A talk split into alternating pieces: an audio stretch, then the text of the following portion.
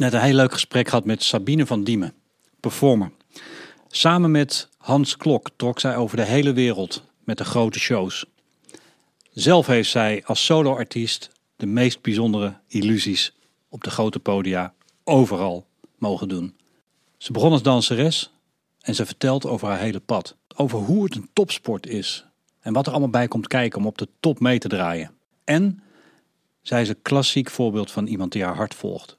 En wat je dan allemaal op je pad krijgt. En hoe het dan uiteindelijk allemaal goed komt.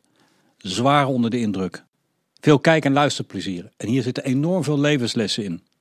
Wat gebeurt er als je precies doet wat je gevoel je ingeeft?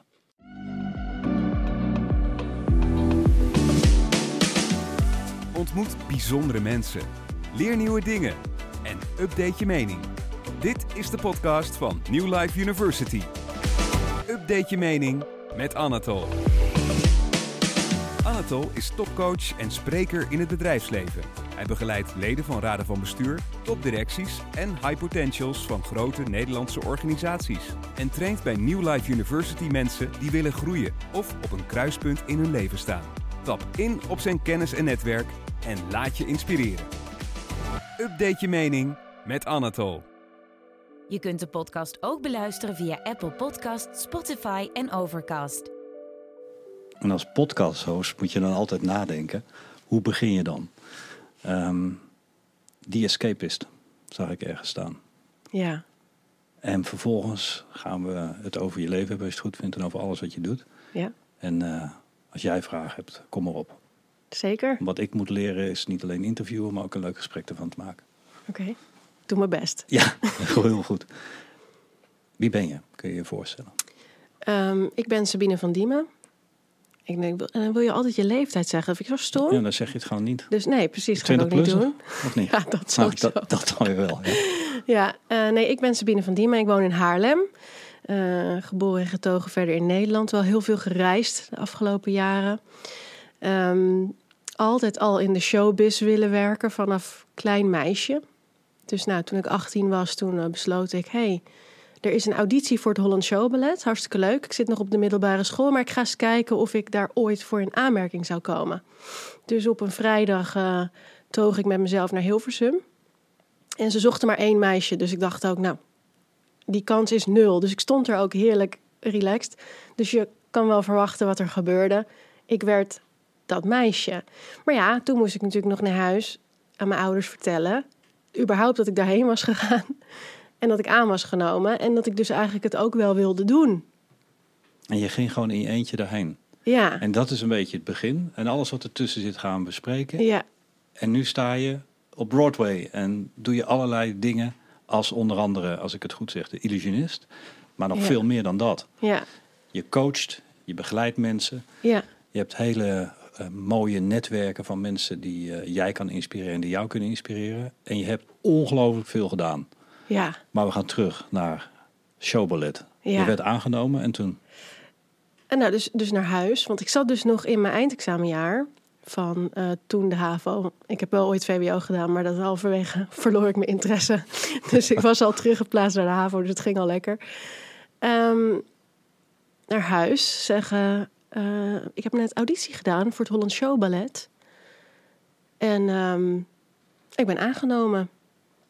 En mijn moeder die zei gelijk... Oh, met zo'n toon. Oh, dat je al Lekker. eigenlijk, ja, dat je al eigenlijk denkt, oké. Maar ja, ik kan heel gek, maar ik kan me dat moment dan niet zo goed meer herinneren. Waarschijnlijk heb ik dat totaal geblokkeerd door algehele paniek. Maar eindstand ging ik het wel doen. En dat contract begon op maandag. Dus op vrijdag ben ik auditie gaan doen. Over het weekend heb ik er met mijn ouders over gehad. En ik kon dus ook niet meer naar school, want het is een fulltime, of nu niet meer, maar toen was het een fulltime baan. En heb je dat gedaan toen ter tijd? Eh, omdat je dacht, dit is een manier om in die showbiz terecht te komen? Of wilde je gewoon dansen? Wat was nou precies de reden dat... Ik wilde, nou ja, ik, ik wilde bij het Holland Show Ballet. Dat was altijd al het doel. En we zijn ook heel vaak met mijn ouders, wisten er ook van. En we zijn heel vaak naar die show wezen kijken van Frank Wentink in, eh, in Hilversum. De, Mhm. de dinnershow. Mhm. En mijn moeder vond die show ook helemaal geweldig. En ik, joh, als ik daar binnen was, ik kreeg alles, weet je wel, de foto. En je kon een ketting kopen in de foyer. Dat kreeg ik dan ook. Want ja, ze wisten gewoon, dit, dit vindt zij helemaal geweldig. En ik moet je wel zeggen, kleine kanttekening. Ik was al twee slash drie keer geboekt voor een evenement. Als 16, 17-jarig meisje door Frank Wentink. Want Als wij- danseres? ja, als danseres. Want wij hadden onze amateurvoorstellingen in Studio 21 één keer in het jaar. En toen had Frank al een keer gezegd: Nou, wat is dat voor een eh, spring in het veld? Die willen we wel een keer erbij hebben. Kan je haar gegevens noteren? Dus ik had al wel twee, drie keer meegedaan met een event. Dus het was niet helemaal vreemd. Maar dat was echt super sporadisch. En ik stond altijd drie hoog achter als boom of, of weet ik veel. Het was nooit iets prestigieus. dus ehm, ja, dus toen dus vrijdag auditie gedaan, aangenomen, maandag begonnen.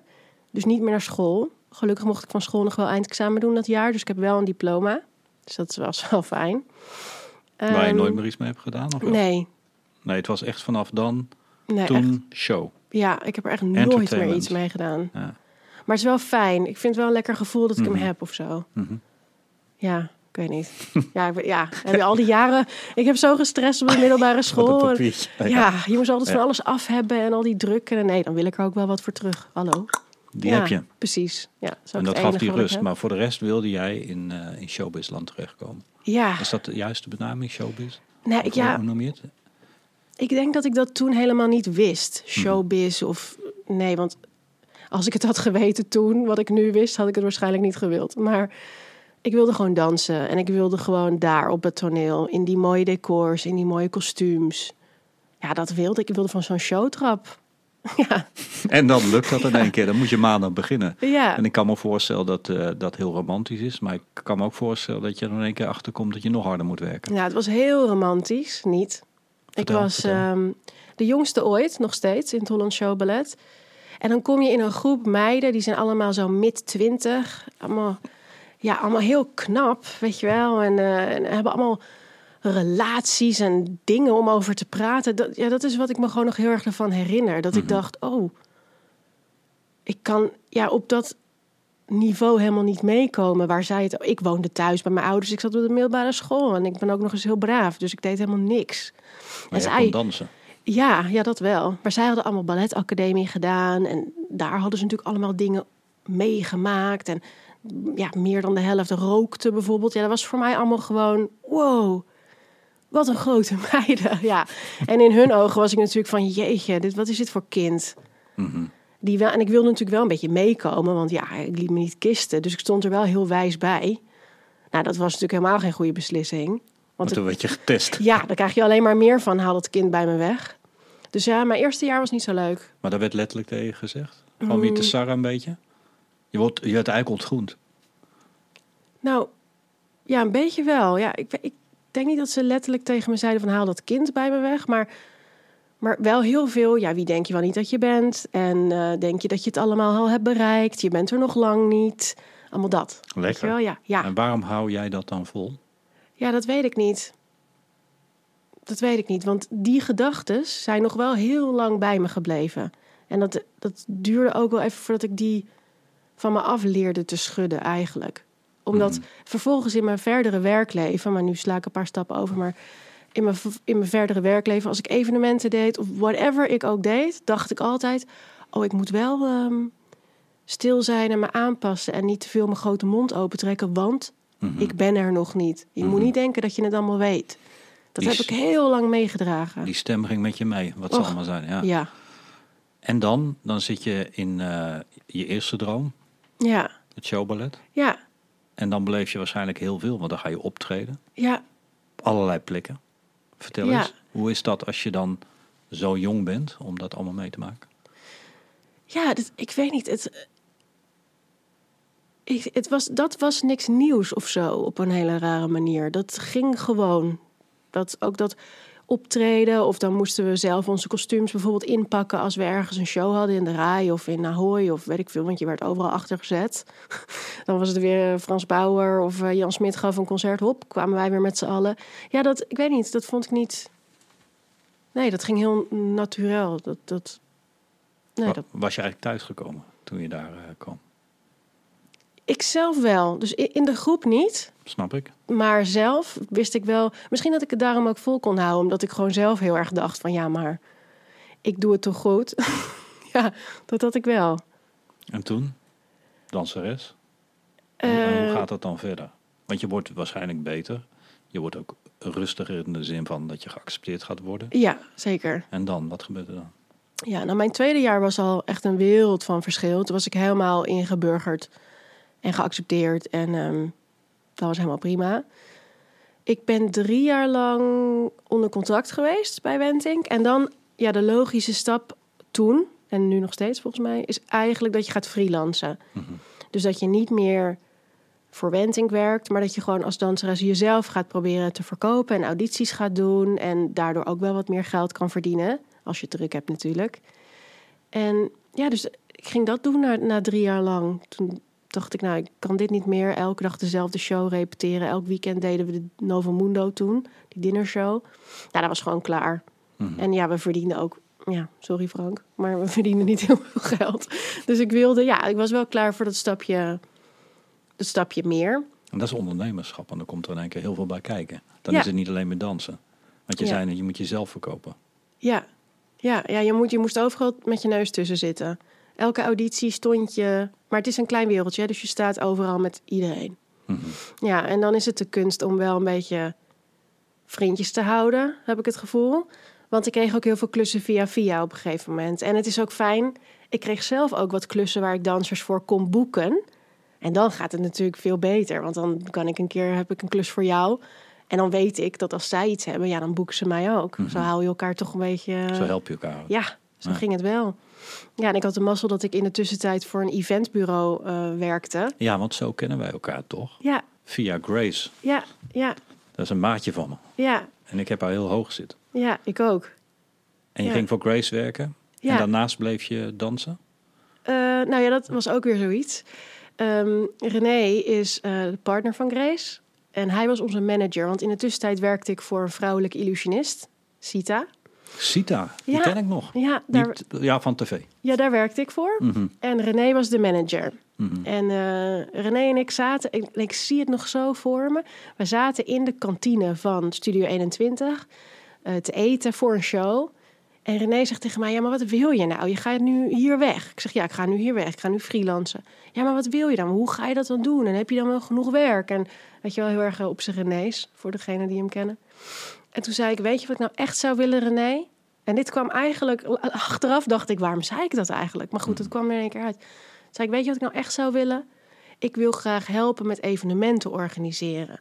Ik wil graag ook achter de schermen. Ik wil weten hoe dat gaat. Ik wil weten qua budgetten, artiesten boeken. Ik wil dat. Helemaal niet eens wetende op dat punt dat Grace, zijn partner dus, een evenementenbureau had. Dus hij zegt tegen mij: Oké, jij wil dat? Ik zeg: Ja, ik wil dat. Hij zegt: eh, Grace, nou, die heeft een evenementenbureau en die gaat jou bellen maandag. Dus ik dacht: Ja, ja, is goed. Beetje half-half dat ik er geloof in had. Maar ze belde. Ze belde en ze zei: Ja, ik hoor van René dat je wel op kantoor. En ik had Grace al wel ontmoet hoor, maar ik wist gewoon niet dat zij dat deed. Mhm. Ja, en ik hoor van René dat je op kantoor eh, wil komen zitten. En dat je het... Ik zeg: Ik kan niks. Maar echt niks. Toen zei ze: Nee, maar dat komt wel. Nou, oké. Dus ik weer die maandag of die, die dinsdag of weet ik veel. Ze zei meteen: Kan je deze week? Ik zeg: Ja hoor, eh, woensdag. Dus ik woensdag, ik had helemaal ook een pakje aangetrokken. Ja, heel schattig. Achteraf moet ik heel hard om lachen. ik dacht, ja, dit is in één keer, dit is een zakenwereld. dit is echt. Ja, ik, achteraf denk ik wel eens, ik moet eens aan Grace vragen wat zij gedacht moet hebben. Ik had echt zo'n paars jurkje aan met een laars en een, en een soort van tas had ik gekocht. Waar dan laptop en papieren in kunnen. Ja, want ik dacht, ja, ik kan niet... Als danser leef je in een joggingpak eigenlijk. Met een staart op je kop en, en, en sneakers. En je bidon onder je arm. Dat, dat was jarenlang de outfit. En dan heel eventjes in de showkleding en daarna weer naar die outfit. Dus jij dacht, als ik voor een echte baan ga, Ja, ik dacht, ik Eh, dan kleed ga me er ik, in ga ik helemaal kleden. Ja, schattig. Ik was toen dat maar een keer. twintig, hè. Ik was toen Oh, twintig. oh, Oké, vraag dat maar een keer aan Grace. Ja, oh god, oh god. Ja, ik dacht, ja, ja, fake it till you make it. Dat is wel ook een beetje mijn motto, moet ik eerlijk zeggen. Nou, daar ben je verdomd ver mee gekomen. Daar gaan we het nog over hebben. Ja. Ehm, maar dan ga je dus werken. Ja, maar wat ik interessant vind is, waarom wilde jij die hele showbusiness in zijn volle breedte, ik weet niet of dat dit nogmaals het juiste woord is, maar de, entertainment business van voor en van achter snappen. Was dat, is als je later terugdenkt, was je aan iets aan het bouwen waar je misschien toen nog niet bewust van werd? Of vond je het allemaal interessant? Vond je het allemaal leuk? Ja, soms zou ik wel eens willen dat ik een heel mooi antwoord voor dit soort dingen had. Of dat ik eh, heel goed ben in het plannen of eh vijf jaren plannen. Maar ik ben echt. Soms komt er iets op mijn pad en dan krijg ik in mijn binnenste gewoon heel erg het gevoel van dit moet ik doen. En dat was tijdens dat gesprek met René. Ik weet niet, ik weet nogmaals, ik had daarvoor helemaal nog nooit nagedacht over evenementen. Nou ja, misschien. Dat is ook weer niet waar, want als wij met, met Frank Wentink events aan het repeteren waren, dan zaten wij als ballet vaak op het, op het toneel, zaten we eigenlijk te wachten, waren we verveeld. Te wachten tot we weer in een lichtje ergens moesten staan. Ja, echt. Dan zaten we daar gewoon, het duurt lang, duurt lang. Maar dan, iedereen was dan met elkaar zo'n beetje aan het kletsen over nutteloze dingen. En ik vond het al wel heel interessant, want ik dacht altijd, maar wat zijn zij dan aan het doen? Waarom zitten wij te wachten? Daar was ik wel heel erg. Ja. Weet je wel, wat is er met het licht? Of wat, waarom maken we bepaalde keuzes? Ik wilde het liefst daar eigenlijk naartoe lopen en een beetje zo luisteren van... eh, oh, we gaan dit en dit doen. Oh, oké. En dan weer terug naar het toneel. Jongens, we gaan eh, dit en dit doen. ja, verschrikkelijk. Maar dat was wel zo. Ja, Dus ik denk dat ik daardoor ja, toch die interesse kreeg. En ook ergens dat ik dacht, als ik nou begrijp waarom mensen bepaalde evenementen willen organiseren, met wat voor reden en wat ze nodig hebben, kan ik misschien mezelf beter aanpassen op het moment dat ik naar een auditie ga of whatever. En dan heb ik dus grotere kans dat ik gekozen word. ja, ja. Omdat ik begrijp waarom we het doen. Mhm. Dat is interessant. Ja, ik denk namelijk als je nog een keer in deze podcast komt over 25 jaar en we kijken terug, dan denk ik dat, eh, dat steeds meer dots connecten. Ik heb een, dat connecting the dots is iets wat ik heel fascinerend vind. Als ik naar mijn eigen leven terugdenk, er zijn allerlei markante punten in mijn leven Ja, die, die op zich los lijken te staan, maar al die optelsommetjes van die punten hebben wel gemaakt dat ik de dingen doe die ik doe. ja, En dat gevoel wat jij beschrijft, dat je wist dat je het moest doen, ook al wist je eigenlijk niet wat je mond zei, ja, dat is heel herkenbaar. ja. Dus dat is een hele sterke, noem het maar intuïtie of interne ja radar. nou, dat geloof ik wel hoor. Gut feeling, ja, tuurlijk. Dus het meeste wat je doet, doe je op gut feeling. En dan kom je bij Grace terecht. Ja, En toen, Ehm, toen heb ik heel veel daar geleerd. Want ja, nogmaals, ik loog niet toen ik zei ik kan niks. Want als je van de HAVO komt, dan heb je wel een bepaalde basiskennis natuurlijk. Maar ja, hele stomme dingen. Maar ze leren je niet bijvoorbeeld keurig een telefoon op te nemen in een kantoor. Dat leer je toch niet op school? En dus dat, ja, de eerste keer dat die telefoon ging, zat Grace me aan te kijken. Zo van, ga je hem nog oppakken? En ik, echt, die zenuwen, die gierden door mijn lijf. Ik dacht, oh god. Dus ja, Grace Robinson, evenementen, goedemorgen met Sabine. Help, vraag me niks wat ik niet weet. Ja, paniek. maar je wist dat je het moest doen. Op een of andere manier was het wel een plekje waar je even moest zijn. Ja, en kijk, al het begin is natuurlijk verschrikkelijk. Ik bedoel, die eerste dag dat ik die repetitieruimte inliep bij het Holland Showballet was ook verschrikkelijk. Maar ja, ik moet het toch doen. Maar dit is, een, dit, is, dit is iets wat heel interessant is. En daar gaan we waarschijnlijk nog wel op terugkomen. Je doet het ondanks het feit dat je er angst voor hebt. Ja, En dat, dat, ik heb ooit een boekje gelezen van Susan Jefferson. Feel the fear and do it anyway. ja, En het kon niet anders zijn dan dat we nou een paar minuten in het gesprek zitten... en dat je het eigenlijk al twee keer hebt gedaan. Want dat is iets ehm, wat niet veel mensen doen. nee. En jij doet het wel. Ja. Waarom? En, nou, dat weet ik niet. Want dat, dat niet veel mensen dat doen, dat, is, dat hebben mensen wel eens tegen mij gezegd. En dat is voor mij compleet nieuwe informatie. Ja. Ik de- dacht gewoon, dat is logisch. Dat ik me een beetje Ja, rot voel. ja dat is logisch toch? Ja. Dat is, dat, ik lijkt me iedereen die voor de eerste dag naar zijn nieuwe baan gaat, die, ja, je moet toch even die deur binnen, gatvaar en je kent de weg niet. En dan moet je, hallo, ik ben, dat is toch ook verschrikkelijk? Even de context. Je hebt op heel veel podia gestaan over de hele wereld. met bekend en onbekend, met wereldsterren. Gaan we allemaal opkomen. Maar dat had je nooit gekund als je niet ergens van binnen hebt. Feel the fear and do it anyway. Ja, Dat is toch normaal dat ik zenuwachtig ben. Want je begeleidt mensen op een podium. Eh, dat kun je omdat je zelf weet hoe dat voelt. ja, zeker. Want hoe voelt dat als je een paar seconden nog hebt en op moet? En dan Ja, het is een- oh joh. Nee, ik ben echt verschrikkelijk hoor. En het gaat ook nooit weg. Nee, Cliffhanger. Grace. Je hebt toen heel Grace. veel geleerd van de, van de evenementenbranche. ja. Hele leuke tijd ook gehad. Echt eh, heel waardevol. Welke, welke belangrijke lessen heb je daar geleerd? Nou ja, gewoon op technisch gebied van het organiseren van evenementen. Het is niet alleen de show van een uur waar je naar zit te kijken of twee uur, maar er zit Oh, nee. ongelooflijk veel achter. Oh, hou op. Ja. Oh, wat is evenementen organiseren lastig zeg.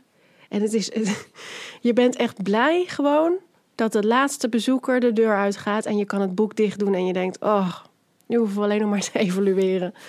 Ja, dat, het is wel echt een, eh, Het zijn heel veel kleine losse schakeltjes die in Oh. elkaar moeten. nou, Ja. Ja, dus dat nou, en budgetteren heb ik van Grace geleerd. En weet je wel, opties plaatsen. Gewoon wat nu voor mij ook allemaal heel logisch klinkt. Maar dat ja, als je twintig bent en je hebt nog nooit zoiets gedaan, is dat niet logisch. Dat is gewoon allemaal nieuw. Dat moet je leren. En locaties. En ja, en Grace is, Grace is de perfecte gastvrouw. Grace is, ik word ook altijd heel nerveus van Grace, dat weet ze ook. Ik vind Grace perfect. In hoe ze is, hè? hoe ze zichzelf presenteert.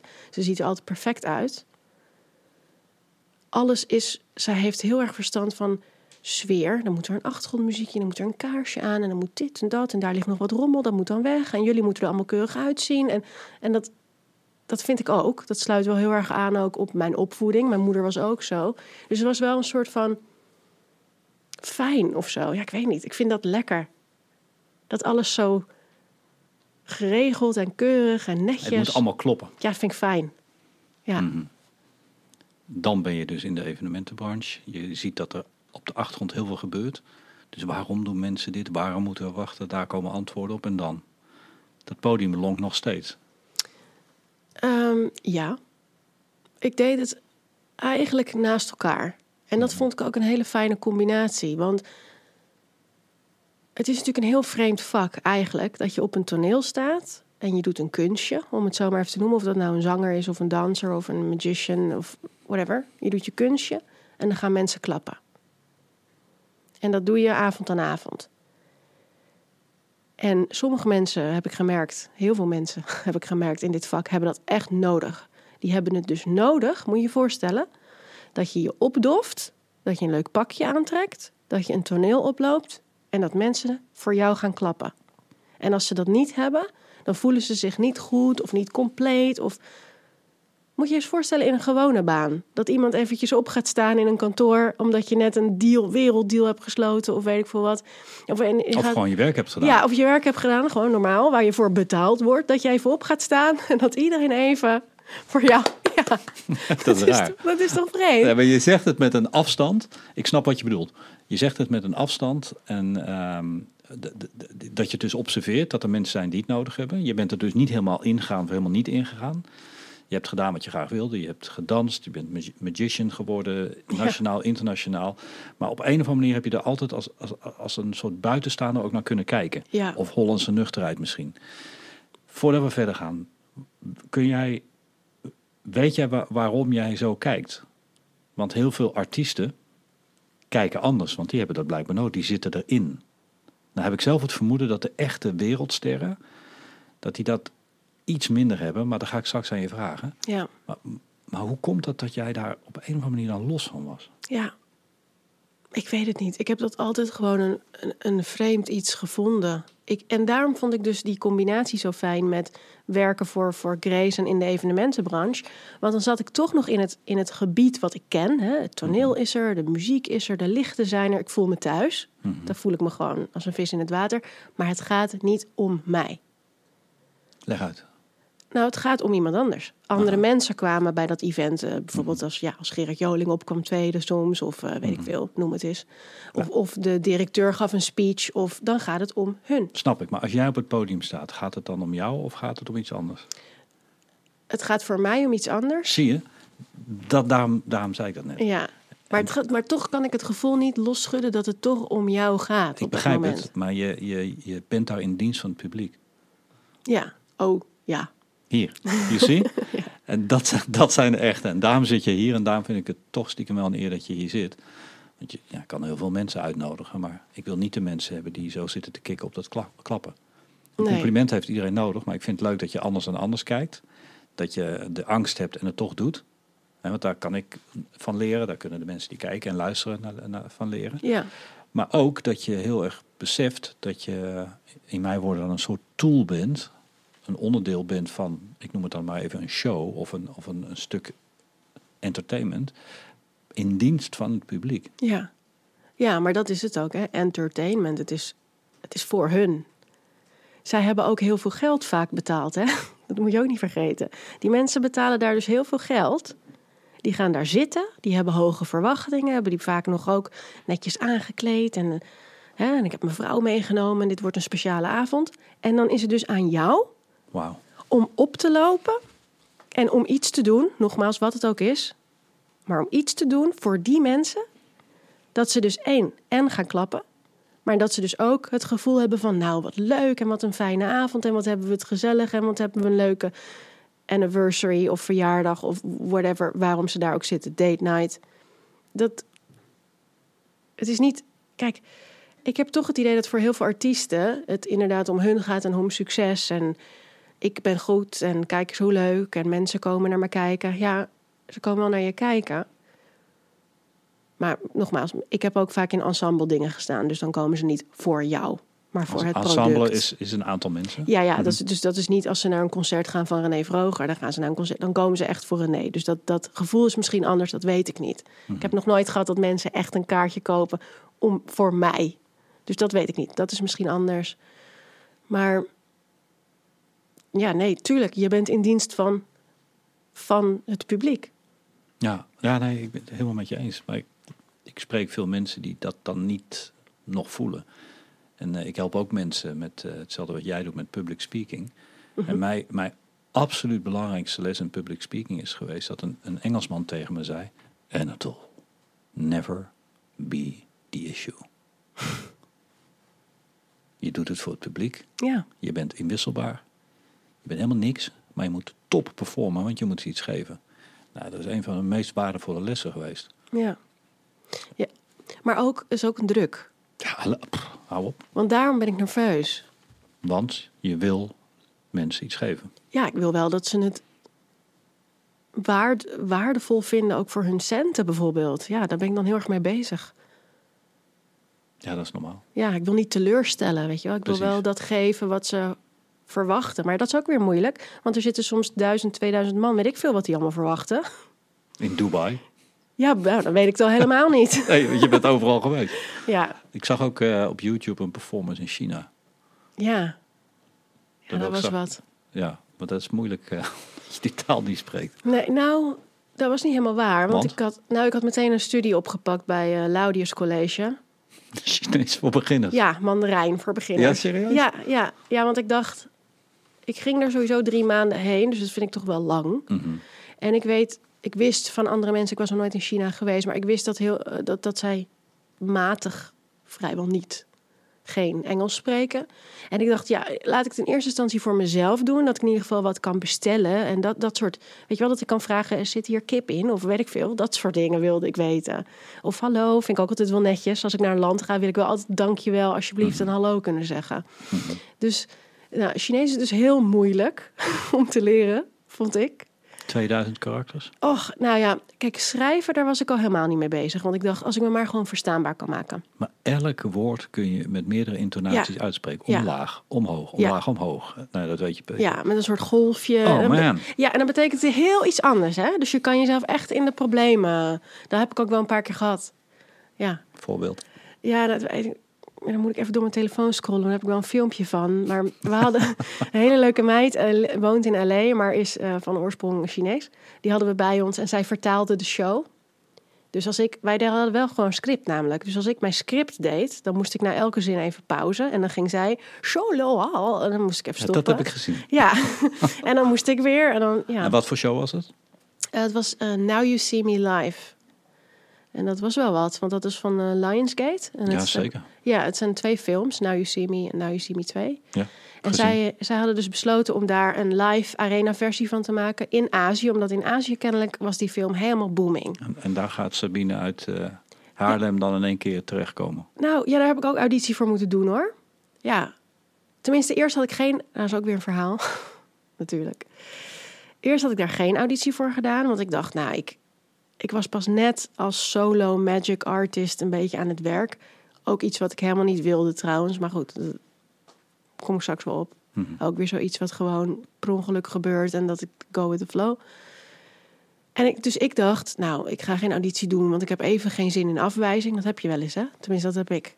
Dan denk ik, ja, Dat heeft elk mens. nou ja, soms kan ik het heel goed hebben. Maar bij audities wel erg uitvergroot. Want dan, dan zitten daar eh, een paar wijze vrouwen en heren. En dan moet je je dingetje doen. Ja, en het is ook zo hard, hè? Soms is het echt zo van, nee, je gezicht. Of, en dan denk je, oh, mijn Ja, gezicht, ja, daar kan ik niks aan doen. Op het uiterlijk? Ja, ja, ja, ja, zeker. Holy moly. Ja, ja, maar ja, dat heb je toch?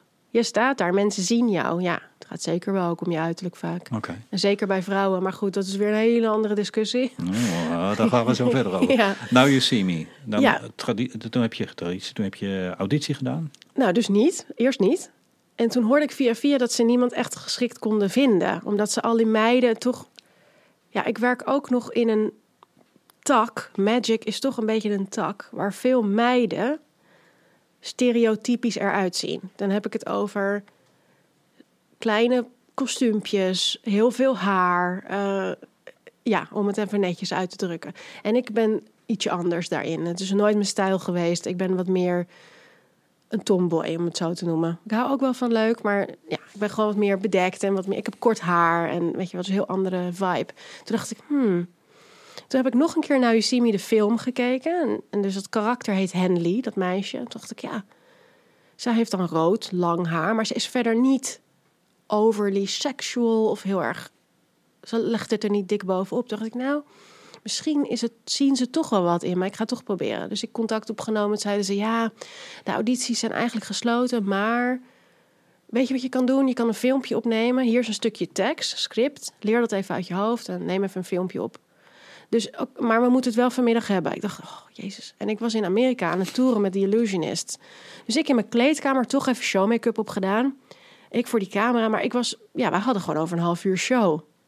Dus ik het heel snel gestampt, gestampt, gestampt, gestampt, opgenomen in één take. Want ja, ik had geen tijd. Ik dacht, nou ja, dit, ja, ik, het zal wel. Ik krijg het toch niet. Hier, eerst filmpje. En toen eerst hoorde ik heel lang niks, heel lang niks. Dus ik was alweer vergeten. En toen kreeg ik in één keer een contract opgestuurd. Wow. Ook zo vreemd, weet je. Bel me dan even zo van, ah leuk, je bent het geworden. Nee hoor, er was niks leuks. Of Hier, tekenen. ja, Je bent Ja. de escapist ja, ja, ook zoiets. van de vier. Ja. Had ik ook nooit voor gekozen. Maar goed, dat vonden zij dan allemaal. En dat doe je dan allemaal, want je wil erbij zitten. Dus op dat Ja. moment doe je alles. is toch cool? Ja, dan zeg je, oh ja, wil je me de escapist noemen? of course. Prima. Prima. Ja. En toen ging je bij Grace weg. En wat heb je toen gedaan? Eh, wat heb ik toen gedaan? Want tussen Lionsgate, die jou boekt, Ja, en Grace, daar zit iets tussen. ja. Hans Klok zit daar sowieso tussen. De illusionist Hans Klok. Ja, Mhm. Ja. Vertel. Nou, ik was, ik, ik was dus een beetje bekend met Magic door Sita in de dinnershow. Toen ik daar nog als danseres eh, werkte. Mhm. En dan moest je gewoon meedoen. Die keu- keuze had je ook niet. Want dan was het gewoon zo van, jij moet nu in die illusie. Oh, oké. Maar ik vond het wel heel leuk. Weet je wel, want ook als je dan die illusie deed... en je zag de, het publiek... Ja, die vond het natuurlijk helemaal fantastisch. Mesmerized. Ja, en dat vond ik zo leuk. Want ik wist natuurlijk... en dan dacht ik, oh, jullie zijn zo stom. Enig. Ja, Ik word daar doorgezaagd. ja. Eh, hoe makkelijk is dat? Ja, enig. Ja, dat vind ik heel leuk.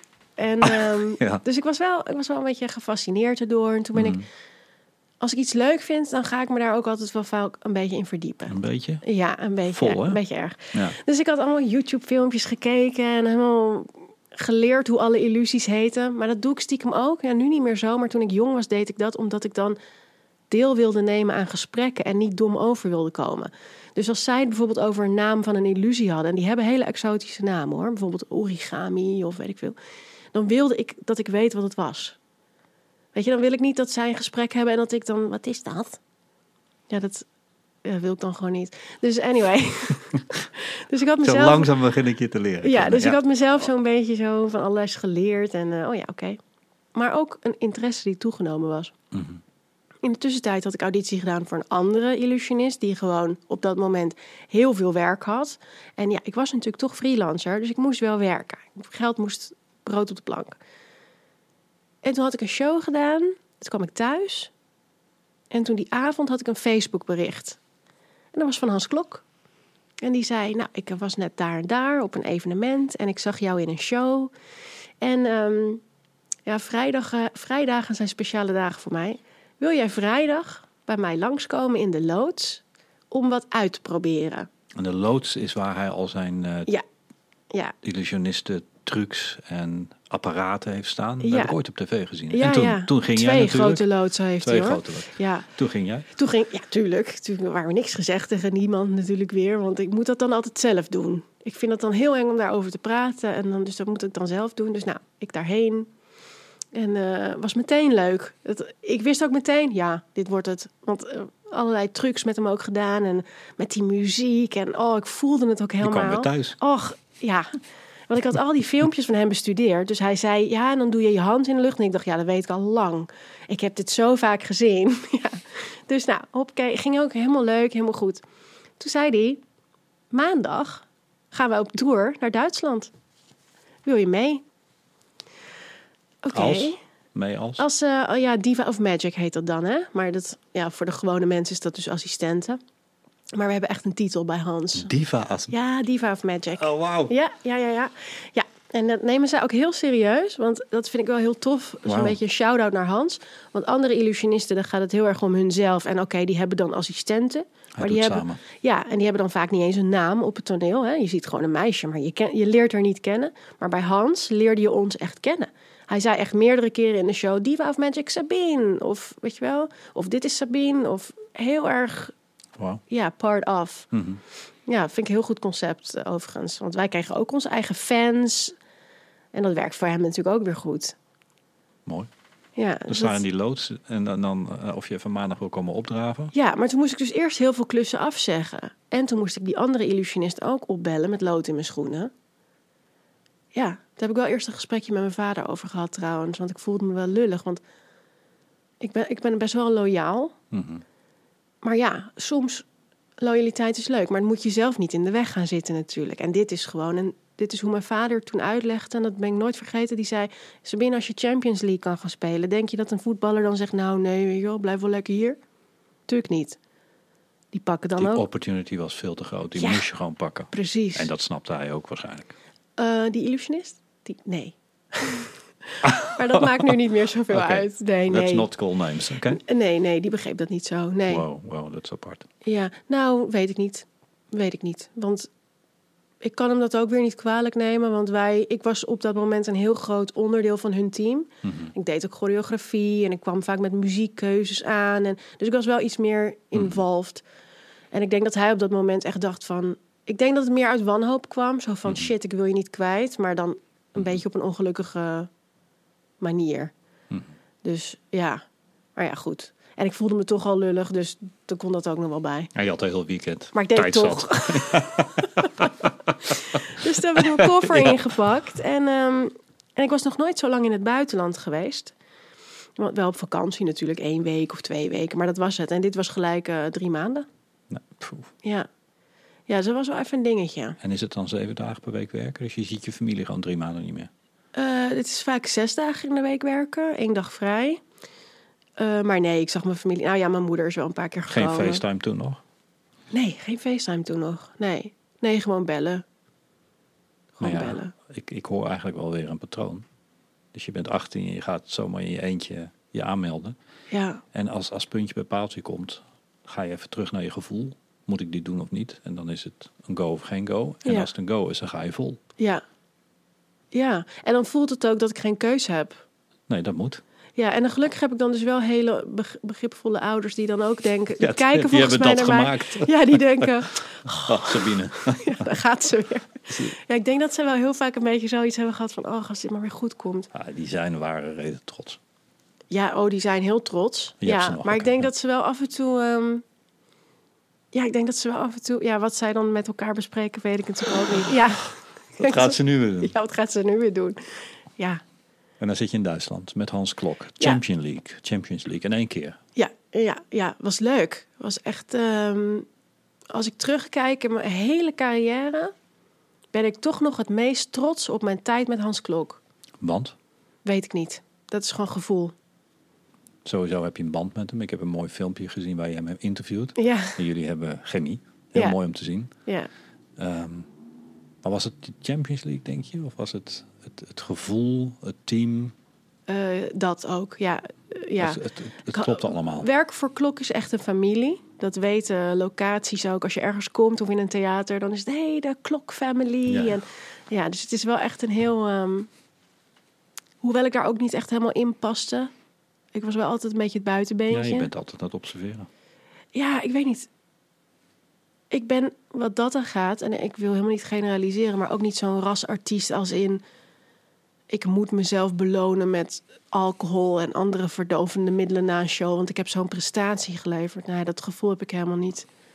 Oh, dat, dat, die komt uit het niets. Ja, maar dat was betekent wel. dat dat veel ar- artiesten dat ik ga niet naar namen vragen. Dat is niet, eh, dat is niet deze podcast. Nee. Maar is het meer past het bij die wereld? Oh, niet, ja. al- niet alleen ja, maar ook in de zin van dat het kijk erbij passen kan zijn. Ja, ook het is een scene waar je ook drugs gebruikt. Maar eh, ik hoor jou bijna zeggen dat als je een performance hebt geleverd, Mhm. het helemaal niet gek is als je jezelf dus op die manier beloont. Nee. Leg eens uit. Dat is totaal nieuw voor me. Oh ja, dat, dat tenminste in de wereld waar ik nu 16 jaar in heb gewerkt, met wie dan ook. Dus ik zeg niet nu met klok of met echt met wie dan ook. Ja, dat was wel. Want ik denk, als je je dus zo druk maakt voor een performance. En je hebt dus die druk om dat publiek te vermaken. En als het dan goed gaat Ja, en mensen gaan klappen en jij loopt af en die druk valt van je af en je hebt gepresteerd, dan komt daar vaak aan het einde ga je dan allemaal nog een borrel doen of en dat, ja, dat is een soort ontlading en dat gaat vaak gepaard met grote hoeveelheden drank en, en dingen. En jij deed daar niet aan mee. Nee, Je, je, je observeerde. Het was, het was niet je, dat was niet je ding. Maar, nee. maar vertel eens verder. Wat, wat, wat deed je daar? Even een stapje terug. Wat deed je in de show? Jij bent dan diva. Ja, ik deed alle gevaarlijke illusies met Hans. Ja. Ja, alle snelle, hele, ja, die rottige waar je altijd heel veel pijn bij had. Ja, Maar leg uit. Ik ga je niet vragen hoe ze werken, want dat is super flauw. Ehm, maar ik wil wel weten wat je dan deed. Dus ik heb gegoogeld op jouw naam en geYouTubed. En Ja. dan zie ik jou gewoon in een tank zitten. ja. Of je deed het met iemand in de tank. ik bedoel, eh, eh, ja, sorry, er was een dame die zat in de tank en die, die, die was eh, iets aan het losmaken. Ja, ja. En jij was aan het aftellen en je stond er buiten te Ja, kijken. ja, dat maar jij deed, jij deed een gevaarlijk ding. Leg, leg uit. Wat heb je allemaal gedaan? Ja, En wat doe je? Ehm, nou ja, dus met Magic heb je dus illusies. Dat, dat zijn dus dingen als bijvoorbeeld er is een lege glazen kist en je knipt in je vingers en bam, er zit een meisje in of een jongen in of inderdaad je zaagt iemand door of ja dat. En wat jij hebt gezien, die tank is wel weer even een ander verhaal hoor. Dat is dan wel, dat was ook niet met Hans trouwens, dat, dat kwam later. Dat, jij- dat was Lionsgate. Ja, Ja. maar jij zei pijn. Dus het is afzien.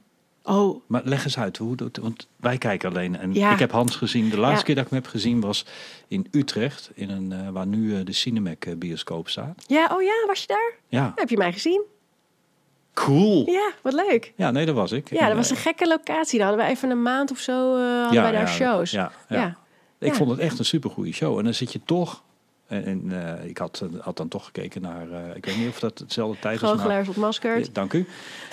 ik vond het magisch wat jullie met elkaar daar neerzetten. Ja. En, en uiteraard weet je dan gewoon, je wordt, eh, ge- is je- wordt gefokt, het is net, maar ik vind het magisch. Maar wat heb je gedaan in Duitsland?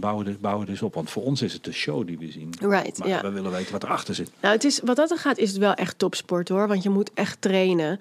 Kijk, we laten het natuurlijk zo makkelijk mogelijk uitzien. Hè. Zodra dat doekje weggaat, dan zit ik daar lachend alsof ik. Maar, maar ja, het is natuurlijk. Overal krampen, Het is pijn. nep. Ja, precies. Het is nep. Er is wel degelijk iets gebeurd wat jij niet mag zien. Wat gewoon met Hans sowieso op topsnelheid gaat. Dat is niet normaal. Topsnelheid. Ik zag het, ja. Want wij geven ook heel veel cues. Dat is wel iets wat ik gewoon kan vertellen. En dat is als je nu naar een magic show gaat kijken, ga je daar beletten. Dat is heel grappig. Dan hoor je mensen elkaar de hele tijd cues geven. Ja, go, nu. Huh, huh. Weet je wel dat? Achter als je daar bent. Ja, Nou, nou, dat horen wij niet. nee, dat hoor je wel hoor. Maar dan Oh, let je gewoon oh, niet je op. gaat erop... Aha. Ja, dat, dat hoor je wel. Nou, zeker met Hans, we doen het zo hard. Mhm. En je moet je bedenken, ik zit ergens zonder dingen prijs te geven, maar je, ik zit vaak ergens, de, want het is geen magic, dus ik zit er vaak al uit jullie zicht, maar niet comfortabel, laat ik me dat. Ja, en ik hoor Hans ook maar het minste of geringste iets van go of ja. En dan ga je gewoon vol gas, als een blind paard, naar je eindbestemming, laat ik het zo zeggen. En dan moet je er ook nog goed uitzien, lachen en doen alsof je er. Maar ja, in die weg daar naartoe, ja, 9 van de 10 keer haal je wat open. Of je stoot. Of Hans. Ik heb net een voorbeeld. Deze tand is nieuw, ja. Want Hans heeft mij een keer met een hele zware, dikke metalen ketting. achter zo'n doekje, wat jullie niet mogen zien, keihard voor mijn mond geslagen.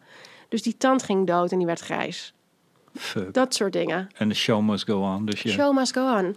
Ik sprong een keer ergens in. Toen haalde ik mijn hele rug, want het zijn ook van die naakte pakjes bij Hans natuurlijk. Dus je hebt amper wat aan. Heb ik mijn hele rug opengehaald aan een, een soort ijzeren ja, een afwerking van iets wat achteraf dus beter afgewerkt had moeten worden. Mijn hele, als een kaasschaaf, mijn hele vel van mijn rug was eraf.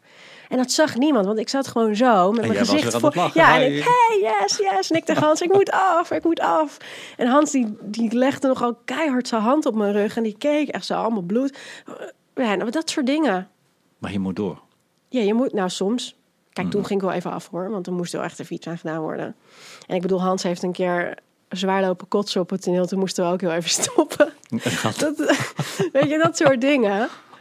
Dat was ook heel grappig trouwens. Die pakte een emmer, maar er was een decorstuk en er zat geen bodem in.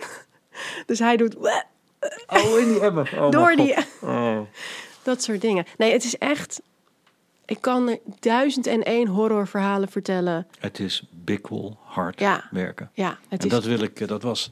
Ik heb niet echt een agenda met deze podcast, omdat ik gewoon leuk vind om, eh, om te babbelen. Ja, Maar ik heb wel hoop. En dit was een van de dingen die ik heel graag eh, van je wilde horen. ja, Wij noemen dat binnen ons team de magical dust. En dat is niet di direct de magical dust alleen in een magie, magie omgeving. Maar Mhm. de magical dust is eigenlijk dat je het simpel, en je hebt het al gezegd, het simpel laat lijken. En heel mooi laat lijken. Maar je laat niet zien welke voorbereiding en welke ellende soms ook. Maar ook mooie dingen. Maar het harde werk wat erachter zit. ja. Ja, Dat vind ik zo mooi. Want bijna elk vak wat ik heb opgepakt om er goed in te, te, te willen worden. Maar dat zie ik ook als ik met professionals werk. Je, het is zoveel meer dan dat wat je alleen ziet. En ooit heeft iemand gezegd, het is de magical dust. Je moet veel voorbereiden, je moet heel hard werken. Maar je mag nooit laten merken dat je zoveel werkt. ja, En ik doe dat wel eens eh, in, in het bedrijfsleven. Ik ben altijd degene die een beetje rondloopt. En dan aankomt en zegt, hey, hi, hi. En dan ga ik een gesprek in met de CEO van een bedrijf van 200.000 man. En dan, eh, dan een beetje babbelen. Dan, dan loop ik weg. Hi, hi, hi. Maar wat niemand ziet, is dat ik zo'n gesprek twee, drie uur voorbereid. ja. En dat gesprek duurt 30 minuten of een uur. En niemand heeft dat door. Dus af en toe roep ik iets en zeggen mensen, oh, dat is een goed idee. En dan denken ze, ah, het is magisch. Het is magisch. Dan komt hij weer met iets. Mhm. Maar er zit ongelooflijk veel voorbereiding achter. Ja, En dat wil ik toch wel, ook door middel van deze podcast, steeds meer prijs gaan geven. Dat, dat de, de magie heel vaak aan de achterkant zit. zeker. Ja, zeker. En dat is ook bij jou. Niets En voor ook- niets. Nee, niets, niets voor niets. Ja. Duitsland. Noem eens één, eh, één, eh, eh, één ding dat je hebt gedaan. Dat, dat wij het ons kunnen visualiseren wat je doet. Dus een Ja. on- ontsnapping. Of, Nou, het eh, beste is eigenlijk, voor mijn Hans Kloktijd... mhm. Het beste is eigenlijk als je even op YouTube kijkt. Ja, dat kan. Dan zetten we eronder. Mogen wij die beelden laten zien in die podcast of niet? Alles wat op YouTube staat, volgens mij, eh, Mag kan je... Ja, want dat kan je toch vrij bekijken Oké, sowieso. dan, gaan, dan gaan we wel even checken. Ja. Voor de mensen die luisteren via iTunes en, en podcast, ga even naar youtube.com slash New Life University. We hebben een kanaal waar we hier ook mee zitten in de, in, de, in de studio. En daar gaan we al die linkjes op zetten, maar ook je kunt het eh, zien. Ja, Gaaf, dus vertel. ja. We gaan naar YouTube en wat moet je dan intikken? Ehm, nou ja, die... Ja, dat moet ik even nakijken. Maar sowieso Hans Klok. En dan op een gegeven moment hebben we namelijk een Illusion Challenge gedaan. Mhm. Voor het Guinness Book of Records. Zoveel mogelijk illusies in vijf minuten tijd voor de Franse tv. Mhm. Nou, en daar zie je ook gewoon echt de madness. Dan zie je, we zijn met meerdere meiden natuurlijk, want we moesten zoveel mogelijk achter elkaar doen. Maar dan zie je mij ook echt af en toe als een gek verdwijnen, verschijnen, verwisselen, afrennen van links naar rechts. Ja, echt, echt topsport.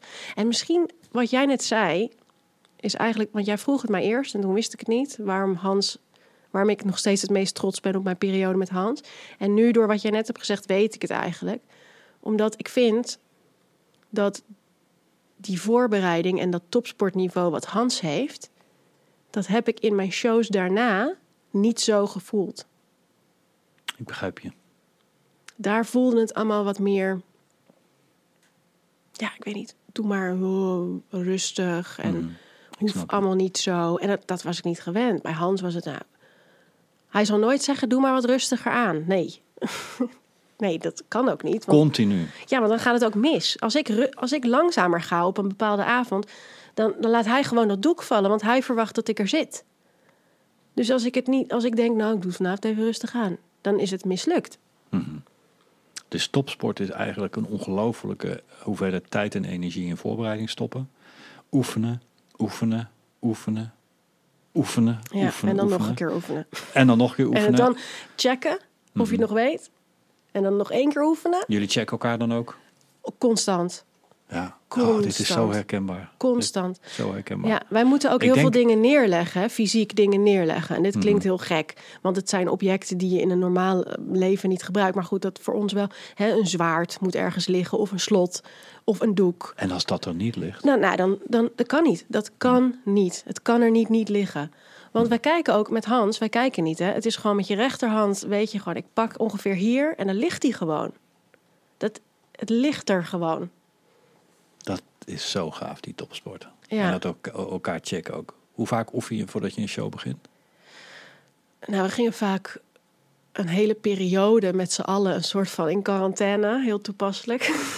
Ja, en de, de reden dat je dat zegt is eh, timestamp. Ja. 30 maart 2020. We Ja. zitten vol in eh, het geweld van corona, coronavirus. Ja, Dus we gingen in qua- quarantaine. En ja dan? dus je va- vaak ehm, ja, zes weken toch wel? Ja, zes weken zoiets. En dan gewoon de hele dag. We deden niks Zes anders. weken, dag in dag uit. Ja, ja.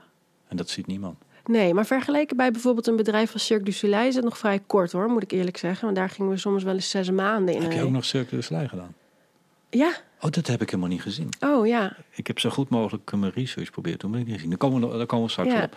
Oké, dus heel veel voorbereiding. Ja, heel veel Totale voorbereiding. topsport. En wat gebeurt er dan als dat object, dat requisiet, er niet ligt? Nou, kwaad. Kwaad. Dat is je eerste reactie is boos. Boos, boos, boos.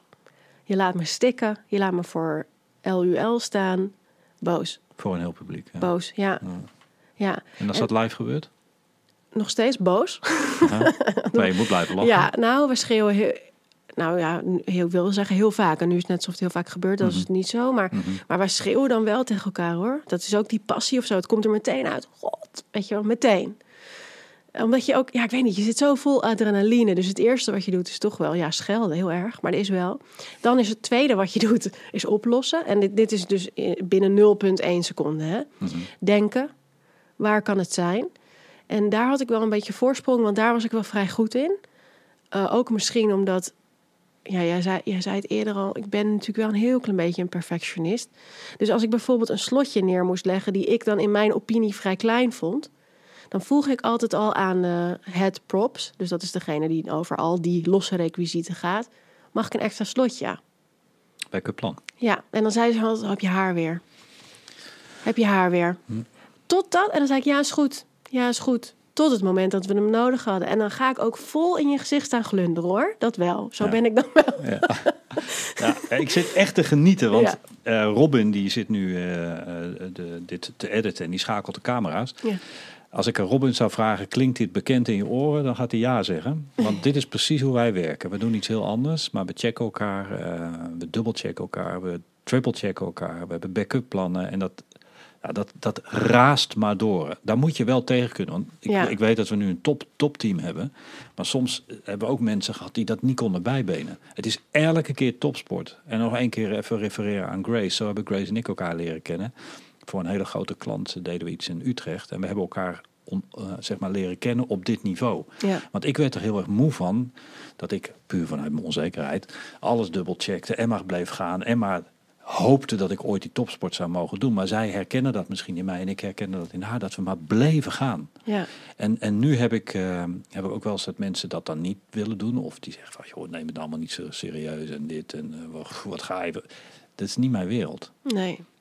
Dus ik vind het heel fijn dat je het zegt, want het brengt ook heel veel moeilijke dingen met zich mee. Het, het kost tijd, het kost energie, het kost een traan, boosheid soms, ja. frustratie. En, en wat je zegt, sommige mensen vallen af. Want sommige mensen kunnen, trekken dat echt niet Mhm. van jou. En dan moet je inderdaad kiezen van, ja, maar ga ik me dan aanpassen? Ga ik naar het amateurlevel terug? Ja, nou, Of is dat de zwart-wit ja, we- ja, dat weet ik niet. Dat weet ik niet. Oké. Andere mensen doen dingen op, hun, op een andere manier misschien. Is niet verkeerd, maar jij wil gewoon nee, op dat ja, maar moment zo die topsport. het. Nee. Ja, zo wil Ja. ik het gewoon niet. Want het geeft me gewoon geen fijn gevoel. Dat is het meer. Want ik ben ook wel eens het gesprek met iemand aangegaan waarvan ik respecteer jou en hoe jij dit neerlegt of voorbereidt. Maar ik ga toch even lastig zijn. Sorry, ik wil het zo. En dan kom, kom je er toch vaak wel uit hoor. Want Mhm. dan denk ik, ja, ik, ik licht het wel altijd even toe. En dan geef ik ook altijd toe. Dat komt gewoon vanuit mijn eigen onzekerheid. Maar als het niet zo ligt, dan ben ik bang dat het niet goed komt. En by the way, ik heb een backup plan. Ja. Ja, ja. En dan, maar dan die ander, die ziet het dan toch als jouw zwakte. Nou, prima. Ja. Ja, dan, dus dan ben je allebei gelukkig. Want dan, zij, zij zien het als jouw zwakte. En daar kan jij dan helemaal mee akkoord gaan. Want dan denk je, is prima als het er maar ligt. Ja. Maar ja, soms ga je ook blunderen natuurlijk, want dat hoort ook bij topsport. Was je grootste blunder in Duitsland geweest? Of moet ik zeggen, met Hans Klok geweest? Mijn grootste blunder met Hans Klok. Dat je echt denkt van, oh, nog steeds pijn in mijn buik als ik aan terugdenk. Geen. Ja, Ik geloof je. Want een blunder is eigenlijk onvoorbereid. geen. Nee. Nee. Dat wil niet zeggen dat altijd alles goed gaat. Nee, zeker niet. Zeker niet. Want ik heb wel eh, hele mooie voorbeelden over andere shows. Maar met Hans, als we het puur over Hans hebben, nee. Nee. Maar ik, dat was ook misschien met Hans. Wij werken natuurlijk toch voor hem. Mensen komen voor Hans Klok, niet voor Sabine van Diemen. Dat is gewoon. En ze vinden het wel leuk dat je daarnaast staat. Tuurlijk. En ze klappen ook voor jou, tuurlijk. Maar ze komen voor Hans Klok. Die staat met zijn gezicht op de bil. Die zit met zijn geld erin. En daar was ik me ook heel erg van bewust. Dus daarom heb ik waarschijnlijk in die Hans Klok tijd geen fouten gemaakt. Omdat Je er helemaal voor gaat. ja, je loopt toch ook altijd nog een stukje harder voor iemand anders. Tenminste, ik wel. Ik ook, ja. Ik kan niet. Ik kan toch niet dat het mijn schuld is dat hij, Hij straks. afgaat nee, dat hij kan zat niet. met zijn Nee, dat kan niet. Nee. Kijk, als ik het voor mezelf doe, oké, nou ja, dan moet ik het zelf oplossen en dan komt het ook wel weer goed. Maar dan heb ik daar minder last van. Mhm. Maar ik kan dat niet voor hem. Dus ik denk dat ik daarom op in die tijd geen, nee, geen fout heb gemaakt. Wat ik knap vind, eh, Sabine, is dat je gewoon in één keer naar topniveau gaat. En die Ja. stretch gewoon maakt. Ik weet dat het kan, maar ik weet welke prijs je daarvoor moet betalen. Maar dat is knap dat je het hebt gedaan. Want je ging in één keer naar de top league. Want ik neem aan, in de tijd dat je met hem ging samenwerken... en waarschijnlijk is het nu nog steeds... dat hij top 3 of top 5 van de wereld is. Zeker. Ja, Hallo, ja, dat is Olympische sport. ja. Ja, ja maar het, ik, er is ook nooit een moment gedacht dat ik dacht, ik moet dit niet doen. Snap je? ja, zeker. Er is, dit, het was nooit een, een, een discussie met mezelf. Oh, moet ik dit doen? Nee, dat is echt... de- kan er niet eens... Nee, niet eens 0,1 procent die heeft gedacht... moet ik dit wel doen? Nee, tuurlijk. Belangrijkste les daar? In die periode? Ehm, ga niet mee in de hysterie. Leg uit. Nou, dat, dus dat optreden op dat hoge niveau. En op een gegeven moment kom je overal, hè? Want we kwamen in Monaco en we wonnen een zilveren clown. En we kwamen bij Prins Albert en dit en dat. En feesten en mooie Dat is het jurken. Circusfestival eh, Ja, van cir- Monaco. Ja, Ja, het Circusfestival. En, eh, en ehm, hè, mooie jurken en mooie schoenen. Want hij verwacht ook wel dat je er goed uitziet voor die, die events die we dan vaak daarna hebben. Hè? Want we zijn dan vaak uitgenodigd bij een diner of bij een afterparty. En dan mag je mee. Ja, ja, Ja, dat, dat zegt ook alles over Hans. ja, ja, het is wel Hans Klok en zijn diva's. Dus we, we, we togen overal binnen met z'n allen. En, eh, ja. en, en, en ik denk, De prins van Monaco. Geweldig. ja, jij was enig. Ja, ja hij is... eh, nou, we hebben op een gegeven moment onwijs salsa staan dansen met prinses Stefanie. In een of andere hele slechte tent in Monaco. Mag je dit zeggen? Ja, vast wel. Maar we mochten het niet filmen. Want ik weet nog, ja, ja. ik deed het niet hoor, maar ik weet niet meer wie, maar iemand anders van ons wel. Mhm. Die had zo even zijn iPhone eruit en toen kwam er meteen. Security. Ja, en je, we hadden ze niet eens zien staan, die security. Mhm. Nee, weet nee, je. Het is eh, stille. ja, heel bizar. Dus Ja. dat was wel van, oh ja. Ja, dus dat mocht niet. Maar ik denk dat ik het wel mag zeggen. Ja, waarom niet? Leuk. Ze is enig, dus Dat zijn mensen toch? ja, ze is enig. En ze heeft een groot hart voor circus. Zij werkt keihard tijdens het eh, circusfestival.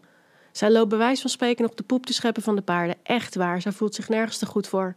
Wauw. Ja, Echte toppers. echt een leuk, eh, echt een leuk mens. Heel lief. Maar wat ik, wat ik dus daarmee wil zeggen is... We werden heel veel uitgenodigd bij prestigieuze dingen. En we gingen ook. En ik heb overal heel erg van genoten. Maar, en dat heb ik misschien van huis uit meegekregen... Blijf wel met je beentjes op de grond.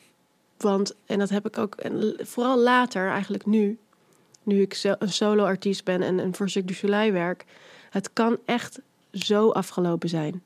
Dat Is moet je wel eh, echt beseffen. En betekent dat dat, dat, dat het kan zijn dat er iemand anders hip, hap- happening wordt? Ja. Of dat ze je te oud vinden? Of dat je je enkeltje verzikt? All, all of the above. All of the above. Ja. Ja. Mhm. ja, iemand anders kan, ik noem het altijd flavor of the month worden. New Life University, een platform voor persoonlijke ontwikkeling. Platform waar we veel meer voor je kunnen betekenen dan alleen deze podcast. Wij willen mensen helpen een sterke verbetering van hun leven te realiseren. En dat kan zowel op privé als zakelijk vlak zijn. Ik denk dat mensen tot veel meer in staat zijn. Maar we hebben niet de gebruiksaanwijzing gekregen bij onze geboorte hoe we het beste uit onszelf halen. En dat is de reden waarom wij Powertrail hebben ontworpen. Powertrail is een opleiding van vijf weekenden waar we het hebben over succes, geluk, hoe kom je erachter wat je precies wilt? Hoe verbeter je je relatie? Hoe krijg je er een? Hoe krijg je meer rust en balans? Hoe versnel je je carrière? Maar ook hoe krijg je nog krachtigere communicatieve skills? En als je al deze dingen bij elkaar optelt, dan heb je een beschrijving van Powertrail. De opleiding die ervoor zorgt dat je het maximale uit jezelf haalt. Ontmoet bijzondere mensen en leer nieuwe dingen. Update je body, mind, spirit en skills in onze gratis kennismakingsworkshop. Ga nu naar newlifeuniversity.com slash workshop. En dat is heel erg in mijn vak. Oh, Dan ben, je, dan ben je even niet meer hip, dan is iemand anders hip. zeker. The Ja, flavor of the month. flavor of the month. Want dan komt er een nieuw, hip, leuke meid. En die heeft alles wat jij niet hebt. Zo ziet het er dan uit, hè, van de buitenkant. Ja, dat is. En dan, Dat eh, is, dat ja, is dat- Brabant. ja. Dat is. Ja, ik hoor helemaal niet uit Je spreekt niet alleen Mandarijn, maar ook algemeen beschaafd Brabant. Brabant. Fuck. ja, Ja, ja, maar dat is zo. Dat is... Ja, dat is. dat Ja. is Brabants. Dus weet je, dus het is wel leuk. Mhm. Maar je moet echt niet denken dat je God's gift to the entertainmentwereld bent, hoor. Want dat ben je echt niet. Nee. Echt niet. En ehm, mag ik dan de clichévraag stellen? Heb Ja. je ook nog met Pamela Anderson gewerkt? Nee, ik nooit. Nee, ik nooit. Nee, ik was altijd net, net weg of net niet daar. Toen hij de eerste keer met Pamela werkte, zat ik er nog niet bij. Hij het toen- over Las, Las Vegas, toch? Ja, dus dat is tien jaar, elf jaar geleden of zo. Elf jaar Mhm. geleden Las Vegas. Mhm. Toen was ik er, zat ik er nog niet bij. Mhm. En toen die, heeft hij twee jaar geleden, volgens mij weer met Pamela. Toen was ik al weg. Dus ik was, eh, nee, ik was daar nooit bij. En toen, eh, toen was je weer weg. Moest je iets anders doen van jezelf? Ik moest, eh, ik moest van mezelf stoppen bij Hans. Want? Want wij hadden een productiemaatschappij. Daar zal ik verder ook geen uitspraak over doen. Maar goed, we hadden een productiemaatschappij. En dat ging niet. Want afgezien van het feit dat je wel je beide benen op de grond moet houden. En dat je geen sterallures en niet in één keer een echte Mhm. diva. Je heet dan wel diva, maar je hoeft je nog niet zo te gedragen. Mhm. Vind ik wel dat er een bepaalde standaard moet zijn voor je artiesten. En toen wij op een gegeven moment in een ijskoude tent in Duitsland twee shows, soms drie shows per dag moesten doen. Met geen catering, geen faciliteiten, ehm, kamer delen met iemand anders voor acht weken. Hè, dacht ik, ik ga hier eens een gesprek over beginnen. En dat gesprek escaleerde zo Met? met, met eh, met, het, met die productiemaatschappij. Mhm, Want ja, ik ga niet zomaar meteen weg. Ik moet het wel eerst aangeven. mhm. Dus ik zeg, en dit vind ik niet fijn. En er is geen catering. En er wordt niet goed voor ons gezorgd. Maar je verwacht wel dat wij op topniveau presteren. Ik vind dat gewoon niet netjes. Scheve verhouding. Ja, dat vind ik. Mhm. En, en dat, nou, dat escaleerde zo de pan uit. En daar kreeg ik zo'n vreemde reactie op dat. En ik wilde niet weg. Ik wilde echt niet weg bij Hans Klok, want het was mijn droombaan. Maar ik kon het gewoon mezelf niet langer in de spiegel kijken. Want ik hou er ook niet van als je elke dag naar je werk gaat en je gaat elke dag lopen zitten zeiken over alles wat er niet goed is. Mhm, Zonder dat je daar ooit een keer wat aan doet. mhm. En dat heb ik dus geprobeerd. En daar was gewoon echt, echt, daar liep je echt, nou, gewoon niks gingen ze aan doen. Maar Niks. dit is niet Hans, dit is iets Dit is anders. niet Hans. Dit is niet Hans. Dit is echt de tussenmaatschappij waar wij onze contracten bij tekenen. Dat, dat Mhm. Ja, want zo. hij was goed en is goed met zijn mensen. Want het is het, het team, de familie ja, Klok. Ja. ja. zeker. Maar Oké, hij, maar dan ja, wilde ik even dat je dat zei. Dat Ja, ja, mensen niet denken dat... eh, dat Zeker niet. Nee, het Nee. is echt de, de tussenmaatschappij, zeg Mhm. maar, die, die, Mhm. die Hans eh, belangen dan soort van behartigt. Mhm. Nou, niet. Ehm, nee, en toen, en dan, Maar doet je wat, hè? ja, daar ben ik nog Waar- kwaad om. Ja, maar wa- wa- wa- waarom dan? Ja, ik, ik, ik, ik hou heel erg van het gesprek open houden. En heel erg van, nou ja, als ik iets te zeggen heb, dan vind ik het fijn als je daarnaar luistert. En dan kom jij vervolgens met wat jij te zeggen hebt. Maar ik werd meteen afgekapt. Mhm. En alles was meteen. Maar echt extreem. Er zijn zulke extreme woorden gebruikt en dingen tegen mij gezegd. dat ik gewoon echt dacht. Ik kan mezelf niet in de spiegel aankijken als ik hier nu bij blijf. Ja, deur dicht. De, ik moet wel. Klaar. En dat is me ook verteld hoor aan de telefoon. Als jij nu weggaat, dan gaan alle deuren dicht. Weet je, heel dramatisch ook. Dat ik dacht, nou, dit is helemaal niet nodig. Het is een andere wereld, hè? ja, Jezus. En- geen topsport. eh, dat, ja, dat weet ik niet. Dat weet ik niet. Maar Nee, dat weet ik wel. Nou, Sooner or oké, later. Ja. Dus toen, en dat was ook een hele moeilijke beslissing. Dat was wel een hele moeilijke beslissing. Dan zat je ergens in je eentje na Ja. te denken over wat... Nou, in de auto, ik weet het ook nog heel goed. Ik zat in de auto dat ik dat gesprek had gehad. En ik moest gewoon mijn auto aan de kant zetten. En ik heb gejankt, gejankt, gejankt. Echt. Ik, één, omdat ik me zo niet begrepen voelde. En niet, je luistert niet en je begrijpt me niet. Je wil er niks aan doen. Ik snap het niet. Ben ik dan niks waard voor de show? Vreemd. Want hè, ik kreeg wel complimenten, ook van hun. Dus waarom ben ik niks waard? Ik snap het niet. En ik weet hoe lang het duurt om een nieuw iemand ook te trainen. Dus waarom zou je die deur zo gauw dichtgooien? Waarom zou je niet in ieder geval naar me willen luisteren? Mhm. Als je dan nog niks doet, oké. Maar dan heb ik het in ieder geval kunnen zeggen. Maar daar stopte het al. Dat vond ik zo vreemd, zo vreemd. Dat ik dacht, nee, dit gaat helemaal niet goed. Ik kan nu niet... Ik kan niet eens meer op kantoor komen om een volgende contract te tekenen. Want je leeft wel van contract naar contract, hè?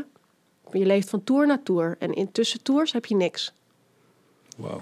Dan moet je gewoon wachten. Of dan moet je, wat ik dus deed, evenementen. Of hè, dan belde ik Grace weer op. Hoi, ik eh, ben eh, vrij voor twee In maanden. between contracts? Ja, ja, Oh, dat wist ik niet. ja. Dus, wow. Je leeft van tour tot tour. En ik dacht... Van hotel, van hotel naar hotel, van tour naar tour, van contract naar contract. Ja, ja, zeker. Je wilde wat zeggen, ik onderbrak je. Nou sorry. ja, ik dacht, ik kan niet in een kantoor gaan zitten en mijn volgende contract tekenen met jou. En ik kan- je niet eens in de ogen kijken op dit moment als jij zo Mhm, extreem reageert. mhm. Dus toen, toen dan ga ik weer, ik ga vaak, merk ik in dit gesprek, voor eh, dat soort advies naar mijn vader. Ja, En dan zeg ik, wat vind je ervan? En die zei meteen ook, weggaan. weggaan. Ja, weggaan. Als jij niet als persoon gerespecteerd wordt voor iemand waar je zoveel geld hè, indirect ook voor verdient, dan moet je gewoon weggaan. Toedeledokie. En dat heb je ook gedaan. Heb ik gedaan. Ja. En dat voelde als een op- opluchting. Eerst niet hoor. Nee? Nee. Ik kon ook niks zien. Want zij gingen vrijwel de, daarna meteen weer op tour. Kon ik niks zien. Ik heb iedereen geblokkeerd. Ik dacht, ik hoef niet te zien dat jullie in de bus zitten. Of eh, we zijn nu in dit theater. Of nee, ik hoef het niet te zien. Kan er niet aan. Mhm. Nee. Maar ja, toen gebeurde er wel heel gauw iets heel moois. Wat verder mijn carrière heeft. eh, wat, dus ik wilde nooit als solo-artiest optreden. Dat was helemaal geen wens. En al helemaal niet in de Magic. Mhm. Dat, eh, ik vond het leuk met Hans. Hè, ernaast staan en meegenieten. Maar dat, om dat allemaal zelf te doen, nee. Maar toen was toch Hans die mij belde. En zei... Ik ken iemand en die heeft een show in Londen. En die zoeken iemand voor de repetitieperiode. En jij hebt nu niks te doen, want jij bent bij mij weggegaan. Zou je dat willen doen? Toen zei ik, ja, maar ik heb toch geen spullen? Toen zei hij, nee, je mag wel wat van mij lenen. Oké. Dus Hans heeft een vrachtwagentje met illusies gestuurd naar Londen. En eh, dat ging ook allemaal weer heel snel trouwens. Ik weet niet of het weer een vrijdag en een maandag was. maar het ging wel echt heel snel. Hij heeft je geholpen. Dus hij baalde ook van die situatie. Ja. Ja, dat heeft hij nooit zo gezegd. Maar dat is Hans' manier om te laten zien van ik sta aan jouw kant. Ik kan niks doen, maar ik sta aan jouw kant. Ja. Ja. En toen ging ik daar een repetitieproces in. Vrachtwagen kwam aan. Ja, Illusies zaten erin. ja, en ik kende daar niemand. Ik had ook nog nooit... Maar dat had je nog nooit gedaan, toch? Ergens heen gaan waar je niemand kent. nee, ja, verschrikkelijk weer. Londen. Ja. Ja. En toen stond ik voor het eerst in een line-up met andere magicians als een solo act. En dat, die show heette Impossible. En daar heb ik toen twee maanden de West End mee gedaan in de zomer. Daar heb ik ook wat van gezien. Ja, dat was, was mijn eerste, dat was mijn debuut als solo performer. Meteen op de West End in Londen. hoe, doe je, hoe doe je het? Ik weet het niet. Het is niet het, het, is niet het zondagskind eh, een, eh, de idee wat ik bij je heb. Het is gewoon, eh, je hebt in je aura zitten dat je het gewoon serieus neemt. Dat je, dat bedoel ik positief, perfectionist bent. En dat je er gewoon Ja. voor gaat. Ja, dat zijn er niet zo gek veel hoor. Dus dan word je snel ontdekt. Ja, Dat is mooi. En ook eh, wel heel gaaf eh, nog eventjes dat Hans eh, je, je daarbij hielp. ja. En dan sta je op Westend. ja, dus toen was dat dan? idee ineens geboren. Zo van, oh, Wat zag je net voor je? Want je was helemaal in gedachten. wat zag ik voor me? Dat weet ik niet meer. Westend. Ja. Ja, want er zijn, dat wilde ik zeggen, er zijn bijna geen vrouwelijke illusionisten. Het zijn bijna allemaal mannen, toch? Die allemaal vrouwen uit Ja, doosjes het is heel halen. magisch. Ik heb hier een paar dingen waar ik het graag over mee wil. En het gaat vanzelf. Dus eh, Ja. ik heb het niet meer nodig. Nee, ja. Ja, je bent Goed voorbereid, ik ben Ben je, ook een, ben je ook een voorvechter voor, eh, voor vrouwen die, eh, die als illusionist op het podium staan? Of is het, is het belangrijk? Ja, Want het is een mannenwereld ook weer. hè? zo. Nou, het, is- of het een Poeh, mannenwereld zo, zo, is. dan ja, nou. ja, niet te doen. Ja. Niet te doen. Ja, ja. En vinden zichzelf ook allemaal heel... eh, ja, nee, dat is niet te doen. Dus daar moet wat vrouwelijke energie bij komen. Zeker, zeker. Ik doe ook altijd in de shows voor Cirque du Soleil die ik doe, doe ik een, eh, een, een klein trucje met een meisje uit het publiek, een meisje van een jaar of zes, zeven. En dan heb ik het zo ehm, voor elkaar weten te krijgen dat ik ehm, nu een magic kit weg mag geven van The Illusionists. En dan eindig ik altijd met de zin, eh, because we need more women in magic. En dan gaat het publiek altijd helemaal los.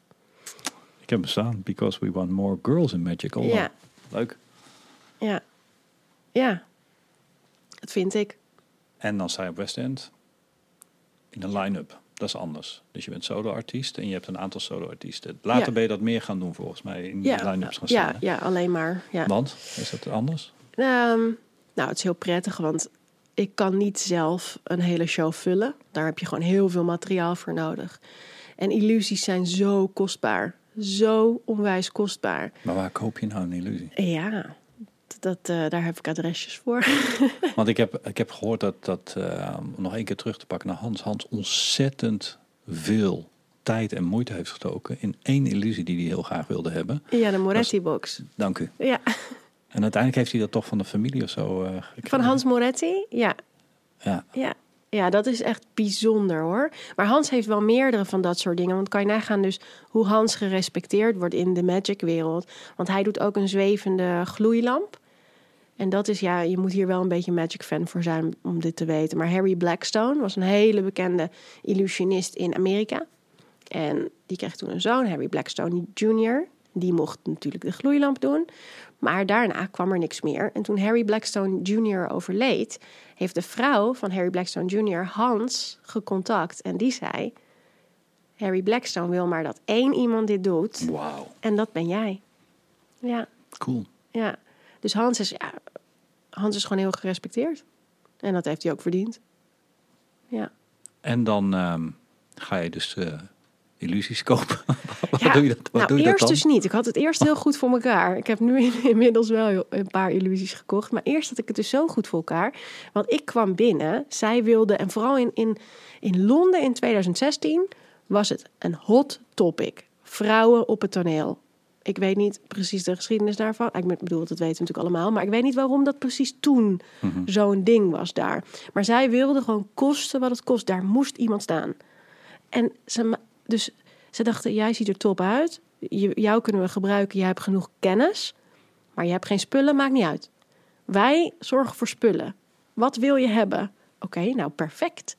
Ik wil wel dit. En ik wil dan, weet je wat ik dan wel wil? Dan wil ik wel een man doorzagen. Ja, als we dan toch die route gaan.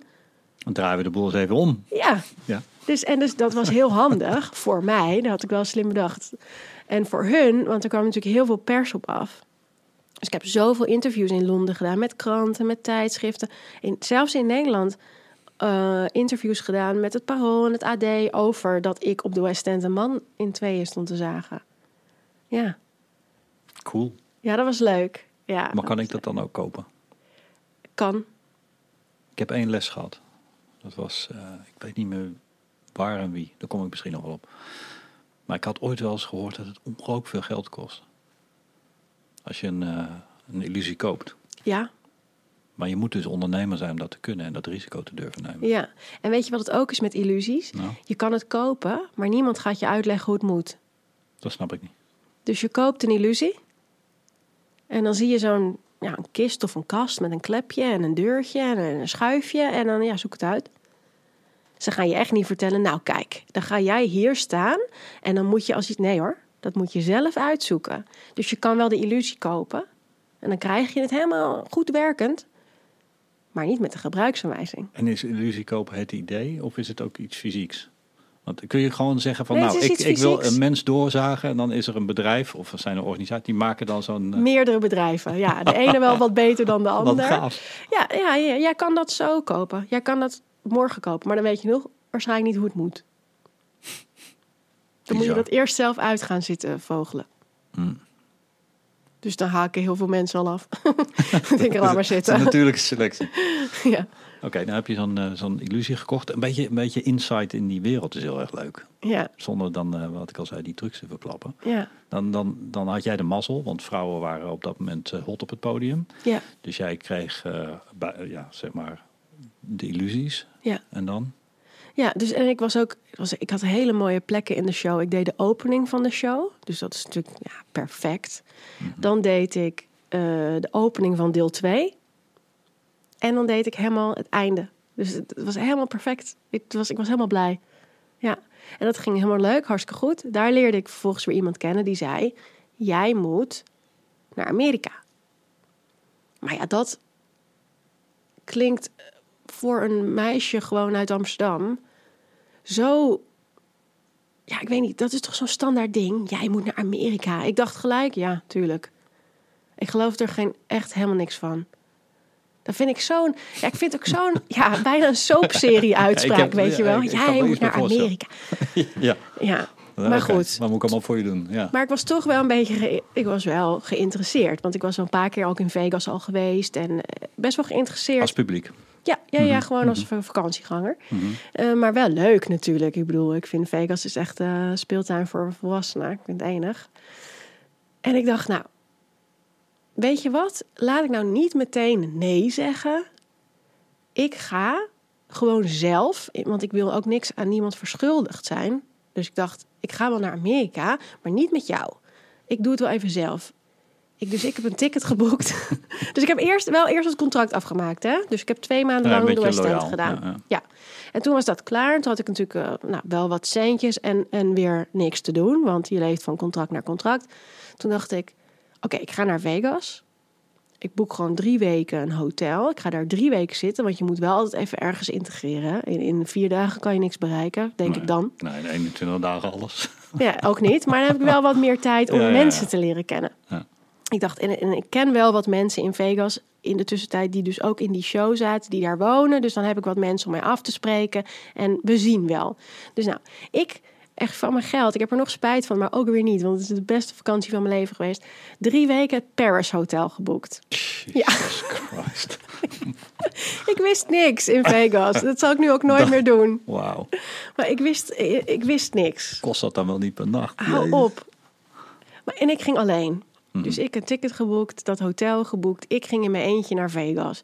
Mensen thuis begrepen er niks van. Mijn vriend toen der tijd moest ik het echt bijna door zijn strot drukken waarom ik dan ging. En ik, hou nog steeds van je, Ja. maar ik moet naar Hotel Paris. Ja, en ik kon het ook niet goed uitleggen, maar ik had gewoon het gevoel, ik moet dan even zelf kijken hoe dat daar gaat. Weet je, ik Dat moet, beg- ja, dat patroon is al duidelijk. Ja, ja, ja. Dus, en ik moet dat zelf doen. Ja, nee, dat patroon is duidelijk. Dus ik ging naar Vegas, hartstikke leuk. Ik heb zoveel mensen leren kennen in die drie weken. Ik heb, nou, ik heb zoveel magic shows gezien, eh, uitgenodigd voor dit, uitgenodigd voor dat. Want je hebt nu, en dat besefte ik mij helemaal niet toen de tijd, maar ik had natuurlijk best wel een naam in de magic wereld. Assistente van Hans Klok geweest, nou boem. En Impossible gedaan als een van de lead op de West End. Enige vrouw. Maar ja, dat had jij helemaal niet door dat Ik het wel iets was. Want je was gewoon hard aan het werken en je vond het mooi. Ik had daar nooit zo over nagedacht. Ja, ja dat siert je. Kijk, later denk ik, ja, tuurlijk, stom. Maar, ja, maar ik had er gewoon niet. Dus ik werd overal voor. En ik dacht gewoon, wat zijn die mensen allemaal aardig? Later dacht ik, oh, wacht even, die willen gewoon hè, associate. Maar dat wist ik toen nog niet. Toen was ik nog lekker naïef en eh, zag ik nog het beste ervan in. Ehm, toen heb ik ook een fotoshoot gedaan in, in de woestijn. Want ik dacht, nou, tenminste, dat was dan samen met tuurlijk. ja, dat was dan. Dus die man die, die op de West End die tegen mij zei: Jij moet naar Amerika komen, die heet Jonathan Goodwin. En ik wilde dus niet met hem, of, want hij zei: Ja, dan kan je wel, weet je wel, typisch kan je in mijn huis, had ook een vrouw, daar gaat het allemaal niet om. Maar toch vind ik dat niet prettig. Want dan heb ik het idee dat ik, ik weet niet, vind ik gewoon niet prettig. En je wil gewoon zelf doen. Ik wil gewoon zelf doen, ja. Dus wel, hij had wel een fotoshoot geregeld. Wil je dan een shoot? Ja, dan wil ik wel een shoot. Leuk. Heb je meteen headshots? Zo belangrijk. Ja, tuurlijk. Hartstikke belangrijk. Dus nou, hele toffe foto's gemaakt. Eh, dit gaan we doen. Website gemaakt. Oké, dus nu ben ik kennelijk echt een solo-artiest. Het gaat nu echt gebeuren. En toen... ehm, verder in die drie weken is er niet zoveel gebeurd. Dus ik heb heel veel mensen ontmoet en heel veel gezien. eh, headshots gemaakt, website gemaakt. Maar verder, dat was het. Dus, de, dus ik kwam thuis en ik voelde me een soort van, ja, een beetje onbestemd. Zo van, ja, je kan wel een website hebben en, en shots, maar dat betekent niet... Weet je, ik heb nu nog geen werk. Nee, ik heb ik niks te doen. ja. Dus, en het- in één keer kreeg ik ook een beetje dat, dat gevoel van... Moet ik het allemaal wel doen? Is het niet een beetje naar mijn hoofd gestegen? La la la. Nou ja. En ik kan dus niet zo goed zonder werk. dus toen had ik besloten, en dat is ook weer veel wat. In de tussentijd werkte ik ook voor een ander evenementenkantoor. En daar moest ik gala-jurken ophalen voor een event. Moest gewoon ophalen. Maar toen zag ik dat zij mensen zochten. En ik had niks te doen. Ik had geen werk. En ik wilde heel erg graag een, een baantje. Waarbij ik gewoon gedachteloos in een hoek kon staan. Denken hoe ik dan die magic carrière op moest zetten. I get it. Maar- time. Ja, maar dat kan ik niet thuis als ik aan een, aan een tafel ga zitten. I get it. Want dan, ja, dat. Dus, dus nou, ik, ik zei, oh, je zoeken jullie mensen? En hun echt zo heel verbaasd ook, ja, ja. Ik zeg, nou, ik, zou dat wel graag willen. Oh, nou, op. Meteen de dag daarna kon ik weer beginnen, want ze zaten echt omhoog. En ik weet nog dat ik mijn vriend woonde toen de tijd in Londen. En ik belde hem. Ik zeg, ik heb een baan. En hij zegt, oh, te gek, ben je geboekt? Ik zeg, ja, ik ben zeker geboekt. in een winkel in eh Buitenveldert. En ik ga gala jurken verkopen. en ik dacht echt dat iedereen dacht dat ik gek geworden was. Ja. Maar ik had dat even nodig. Oh ja. Oké. Ja, ik had het even nodig. Ja, nee, even even iets normaals, tussen aanhalingstekens, weet Mhm. je wel. Dus niet... Ja, even uit die wereld. Ja, Ja, dat snap ik. en, ik- en daar kon ik lekker denken. Wat wordt, wordt mijn volgende stap? Hoe ga ik het aanpakken? Moet ik misschien illusies kopen? Want ik heb nu niks. Als ik nu geboekt word, heb ik niks. Want die illusies waren van die show. Van Impossible. Ja. Dus die heb ik niet meegekregen. Nou, dus een beetje oké. Ja, ik ga wel een beetje beginnen. Nou, dan koop je eens een pak kaarten. Nou, dat is echt helemaal niet mijn ding. Want dan ga je eigenlijk natuurlijk gewoon naar goochelen toe. Wat ik helemaal niet kan. Dat is echt, dat is ook topsport hoor. Dat is echt moeilijk. Oh, dat is Ja. zo moeilijk. Ja. Maar goed, zo ging ik toch Het een grote beetje... in het kleine. Ja. Ja, zo ging ik toch een beetje experimenteren. En eh, af en toe wat filmpjes naar mensen sturen. Nou, ik heb nu een trucje met een touwtje. En ik heb nu een trucje met... Ik had ook geen geld, dus ik kon ook niks kopen. Ken je Corona TV? Ken je dat? Nee. Oh, dat is geweldig. Dat is de zoon van Hans Kazan. Oh ja, die op geen Steven. corona... Je Steven, die heeft Corona TV. Ja. Ik, Oh, ik wil hem ook een keer hier Ja, hebben. Steven is fantastisch. Ja, hij heeft echt zo'n hoge comedy gehalte. Ja, ik hou van Steven. Eh, lekker droog. Ja, maar je had, leuk. je had filmpjes eh, dus gemaakt Ja. van... eh, van Dus toen, dat is een, even lang verhaal kort. Dus ik werk in die, in die, in die gala-jurkenwinkel. Je gaat naar een standaard magiewinkeltje ergens. Ja, ja, die bestaan gewoon. Serieus? Ja. Waar dan? In Of? Heemskerk. Nee hoor, magicshop.nl. Wow. Ja, kan gewoon leuke dingetjes. Is leuk voor kinderen ook, kan je gewoon bestellen. Hartstikke leuk, ja. Cool. Ja, eh, 99% geeft toch op, want het is hartstikke moeilijk. Dus eh, dat wil ik allemaal wel vertellen hoor. Mensen gaan er toch niet mee door. Dat weet ik 100%. Je krijgt niet eens de beschrijvingen waar je dat moet. Nee, Het is een natuurlijke selectie. Dus, nou, Oké. die, die, die kindertrucjes wel hoor. Dus voor je kinderen is het oprecht leuk. Ehm, Dus het goochelen niet je ding. Dus je had wel kaarten gekocht, maar je dacht, nou, dat nee, dat was helemaal niks. Maar Nee. toch opgestuurd, want ik dacht, ja, ik moet toch, ik wil wel mensen laten zien dat ik het probeer. Ja. Dat ik ermee bezig ben. En toen ging ik in de tussentijd ging ik naar ehm, een show in Nederland kijken, in de Heineken Musical toen nog. En dat heette The Illusionist.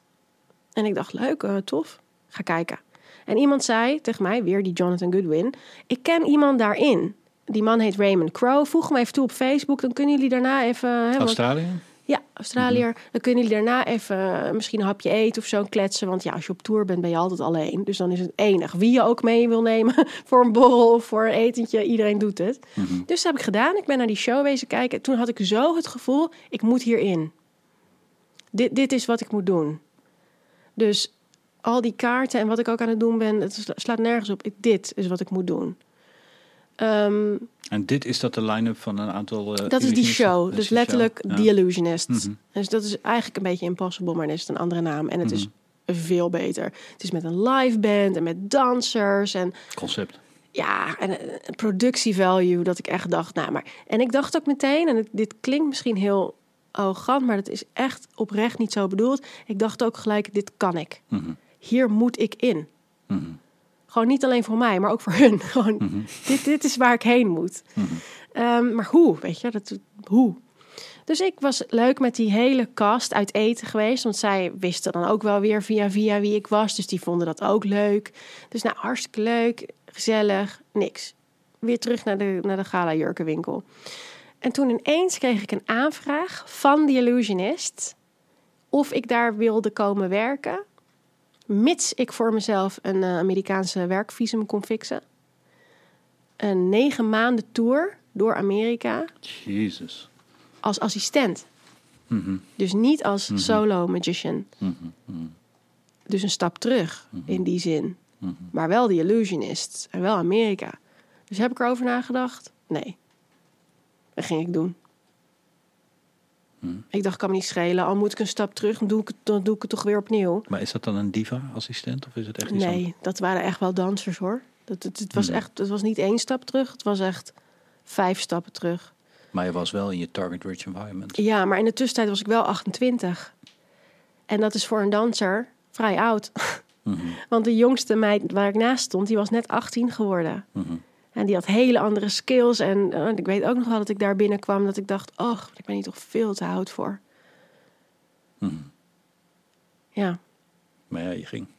ik ging wel, want dit was mijn in. Ik wist niet hoe ik er anders... Weet je, ik, ik had die show gezien, ik had bedacht ik moet daarin.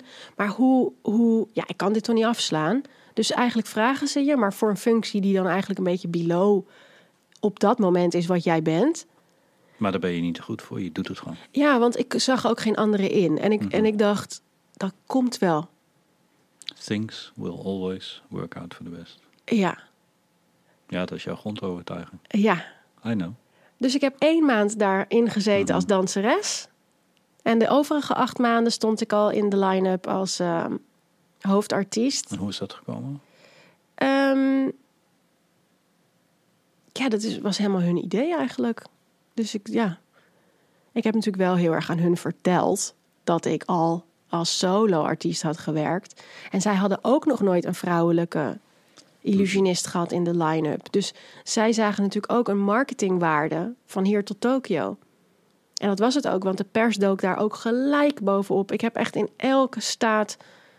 eh, Ik ben op elk morning news from America geweest. Overal. In Boston, in, in, in Philadelphia. Overal. Overal deed ik pers voor de illusionist. Mhm. Dus zij hebben mij een maand lang gebruikt waar ze mij voor aangenomen hadden als danseres. En toen zeiden ze zelf ook tegen mij, of de, de artistic director zei: het, Ik kan jou gewoon niet in die line-up van dansers zetten, want het is gewoon bijna lullig. Voor die anderen. Ja, het is zo'n groot verschil. Dat staat gek. Dus dan kunnen we je beter eruit halen. Wat wil je doen? Ik zeg, nou, ik heb geen illusies. Dus toen hebben we wel echt, had ik een heel slecht repertoire hoor. Ik had een, een kartonnen doos met twintig houten speren. en daar deed ik de grootste show van Amerika mee. Ja. En zij hadden allemaal mooie illusies en dingen. Maar ja, ik had geen geld. Je had speren. Ja, is een kartonnen doos. We keken wel elke show natuurlijk een nieuwe kartonnen doos. Dus er zaten wel kosten aan verbonden. en ik had mezelf dan een truc aangeleerd met die ballon... die ik dan dus met dat kleine meisje doe. Ja, het kost natuurlijk ook niks. Een ballon, een beetje helium en een touwtje. En een schaartje. Meer heb ik niet nodig. Ik heb een vraag. Ja, Hoe maak je van iets kleins zoiets groot? Ehm, met een, een verhaal. Wil je dat uitleggen alsjeblieft? Ja, Maar je Ehm. zegt een ballonnetje, dat kost ook niks. nee, dat kost niks. En je hebt, wel- je hebt, je, je, hebt je speren. Ja, Ik heb gekeken met mijn mond open naar wat jij op podia doet. ja, Dus dat is magic, maar dan andere magic. ja. Nou, Hoe maak je van iets kleins iets groots? magic is natuurlijk niet zozeer altijd een hele grote kast en in één keer verschijnt iemand daarin. Ja, dat is wel magic. Gaan mensen wel voor klappen. Maar weet je waar mensen nog veel harder voor gaan klappen? Als jij een klein meisje uit het publiek bij je neemt en je vertelt een mooi verhaal, een mooi script, wat ook nog eens waar is. Hè, in het kort eigenlijk wat ik hier hier zit te vertellen. Heel kort, een minuut. Ehm, en dat de magic in haarzelf zit. En dat zij alles kan bereiken wat zij wil bereiken. Als ze maar in zichzelf gelooft. En dan heb je natuurlijk, en zeker een Amerikaans publiek, laat we eerlijk zijn. Als je daar een mooi bedje van muziek onder legt. Ja, dan heb je helemaal geen grote attributen nodig. Want dan speel je gewoon op het gevoel. Dus je kunt van iets kleins iets groots maken als je er gevoel in stopt en als er een verhaal komt. Ja, if you can relate. Ja, tuurlijk. Ja. En als je daar vervolgens iets heel magisch doet met iets wat mensen thuis eventueel hebben liggen, hè? een ballonnetje of whatever, dan geloof je toch op dat moment dat alles mogelijk is. Is dat ook je boodschap? Ja. Maar denk ik ook echt. Nu nog niet, maar straks als ze over je coach, eh, over, over het begeleiden van mensen hebben, dan vaak er wel meer over. Ja, Maar kun je alles bereiken wat je wil? ja. Hoe dan? Ehm, door ja, wat je wil. Kijk, oké, alles is relatief natuurlijk, hè? Oké, maar dat hoeven we niet uit te leggen. Nee. Alles is mogelijk. als je echt iets wil en je voelt, laat ik het zo zeggen, en je voelt dat je dat moet doen, ja, dan kan je dat. 100 procent. 100 procent. Ik geloof, ja, zonder te spiritueel te klinken, maar ik geloof in de universe en ik geloof in dat als je alles die kant op focust, dan kan het niet anders dan dat je die kant op gaat. Heb je dat geloof altijd gehad in Ja. de universe? Ja, Dan delen we dat. Ik heb het hele universe hier getatoeëerd staan. Cool. Zo erg geloof ik erin. Ja. Ja. Ik, heb, ik zeg het ook vaak tegen heel veel mensen. Throw it in the universe. Mhm. Zeg het. Maar daar geloof ik ook in. Hè? Zeg het. Zeg het wat je wil. Tegen jezelf, hardop. Maar ook tegen een ander. Als een ander niet weet wat jij wilt... kunnen ze je toch ook nooit helpen als ze een keer... En je weet het niet wie een keer wat hoort. Hè, iemand hoort een keer... Oh, net als dat ik tegen René zei... Ik wil Ja. evenementen. Als ik dat nooit had gezegd... had ik waarschijnlijk nooit voor Grace gewerkt. Want hoe moet hij dat dan weten? Dat ik daarin geïnteresseerd ben. Energy flows where intention goes. Oh ja. Ja. Ja, dat vind ik niet eens Ja. een vraag. Nee, ja, eens. Ja. En hoe kan het dan dat sommige mensen zeggen dat ze iets willen, en misschien ook wel denken dat ze het willen, maar het niet voor elkaar krijgen? Waarom zijn er zoveel mensen, en misschien wel meisjes, die dromen van danseres worden? Of van assistent worden van Hans Klok? Of een eigen solo-show hebben? Ja. Ik Dan- ben het volledig met je eens. dan doen maar- ze het toch niet. Dan geloof ik toch niet dat je er 100% voor gaat. Whatever it takes, Ja, dan lukt het. ja. En dat betekent niet dat je niet soms af kan dwalen en dat het kan veranderen. Want dat heb ik ook wel eens gehad. Ik heb wel eens mijn pijlen gericht op iets dat ik later dacht: nee joh. Weet je, dan kwam er. Dan, ging, je moet wel een beetje openstaan voor dingen die op je pad gegooid worden. Snap je wat ik bedoel? Volledig, want als opportunity op je pad komt, dan pak jij het. Ja. En ik weet niet welke, het was een, een Amerikaanse president, lang geleden, die zei: Heel veel mensen struikelen over de steen die opportunity heet, vegen hun kleren af en lopen verder. En hebben nooit doorgehad dat het opportunity was. Ja. Het is parafraseren op een hele verkeerde manier, maar dit was volgens mij de strekking waar hij het over had. Ja. En dat, dat, dat geloof ik wel. Ja, ja som- je kan ook niet alles weten natuurlijk, hè? Zelf. Maar hoe Dus- kun je dan iets doen als je niet alles weet en ook weet dat je niet alles zal weten? Waar zit die faith dan? Ja, Ja. waar dat voor andere mensen zit, dat weet ik niet zo goed. Maar voor mij is het gewoon echt... always work out voor de beste als je ervoor gaat. Ja, maar het is toch ook een onderbuikgevoel. Ik, ik geloof gewoon dat je echt heus wel weet... welke kant je op moet gaan, welk pad je moet volgen... en welke opportunities je wel en niet kiest. Dat weet je gewoon. Ik zeg altijd, je weet toch of je pindakaas wel of niet lekker vindt. Ja. En dan gaan mensen altijd lachen. Maar ik zeg, hoef je het er niet uit te leggen of je wel of niet pindakaas lekker vindt. Ja, Maar ik denk, en dat zie ik in mijn dagelijkse praktijk, dat er heel veel mensen dat wel een beetje verloren zijn. Of het idee wat ze willen, dat ze dat niet meer weten. Eh, of het niet durven te geloven dat het voor hun is weggelegd. En, en zich laten tegenhouden door misschien dat ze denken dat ze geen doorzettingsvermogen hebben, dat het te ingewikkeld is, dat ze Ja. geen hulp krijgen, dat ze falen, eh, gaan falen. Nou, al die, al die dingen die ik beschrijf, die heb ik zelf ook. Alleen wat wij met elkaar delen is, feel the fear and do it anyway. En als je iets wil en die buik zegt, dit moet je doen, dan doe ik het. Ja. Dat heb ik mijn hele leven gedaan. ja, en ook, weet je wat ik het gevoel heb dat mensen wel eens vergeten? Je kan toch ook gewoon stoppen? Ja, je hoeft niet. Je, ja, nee, maar dit is zo wijs wat je zegt. Kijk, we leren dat je je bord vol schept en ook alles moet opeten wat op je bord ligt. We leren niet dat als je geen trek meer hebt, dat je laat liggen wat je eigenlijk niet wil hebben. Ja, En wat we ook leren is, ja, als je ergens aan begint, dan moet je het afmaken. ja. Daar ben ik het gewoon totaal niet Ik mee ook eens. niet, want wat is zonde van je tijd? Als je zo diep van binnen voelt... Kijk, niet bij de eerste en de beste hurdle. Want dat is ook wat we hier de hele tijd gezegd hebben. Hè? Volhouden en het komt met een traan en het is niet allemaal makkelijk. Dus dat is een heel ander verhaal. Maar als jij in je diepste, binnenste voelt... dit is niet voor mij, waarom... eh, stop, stop. Eens.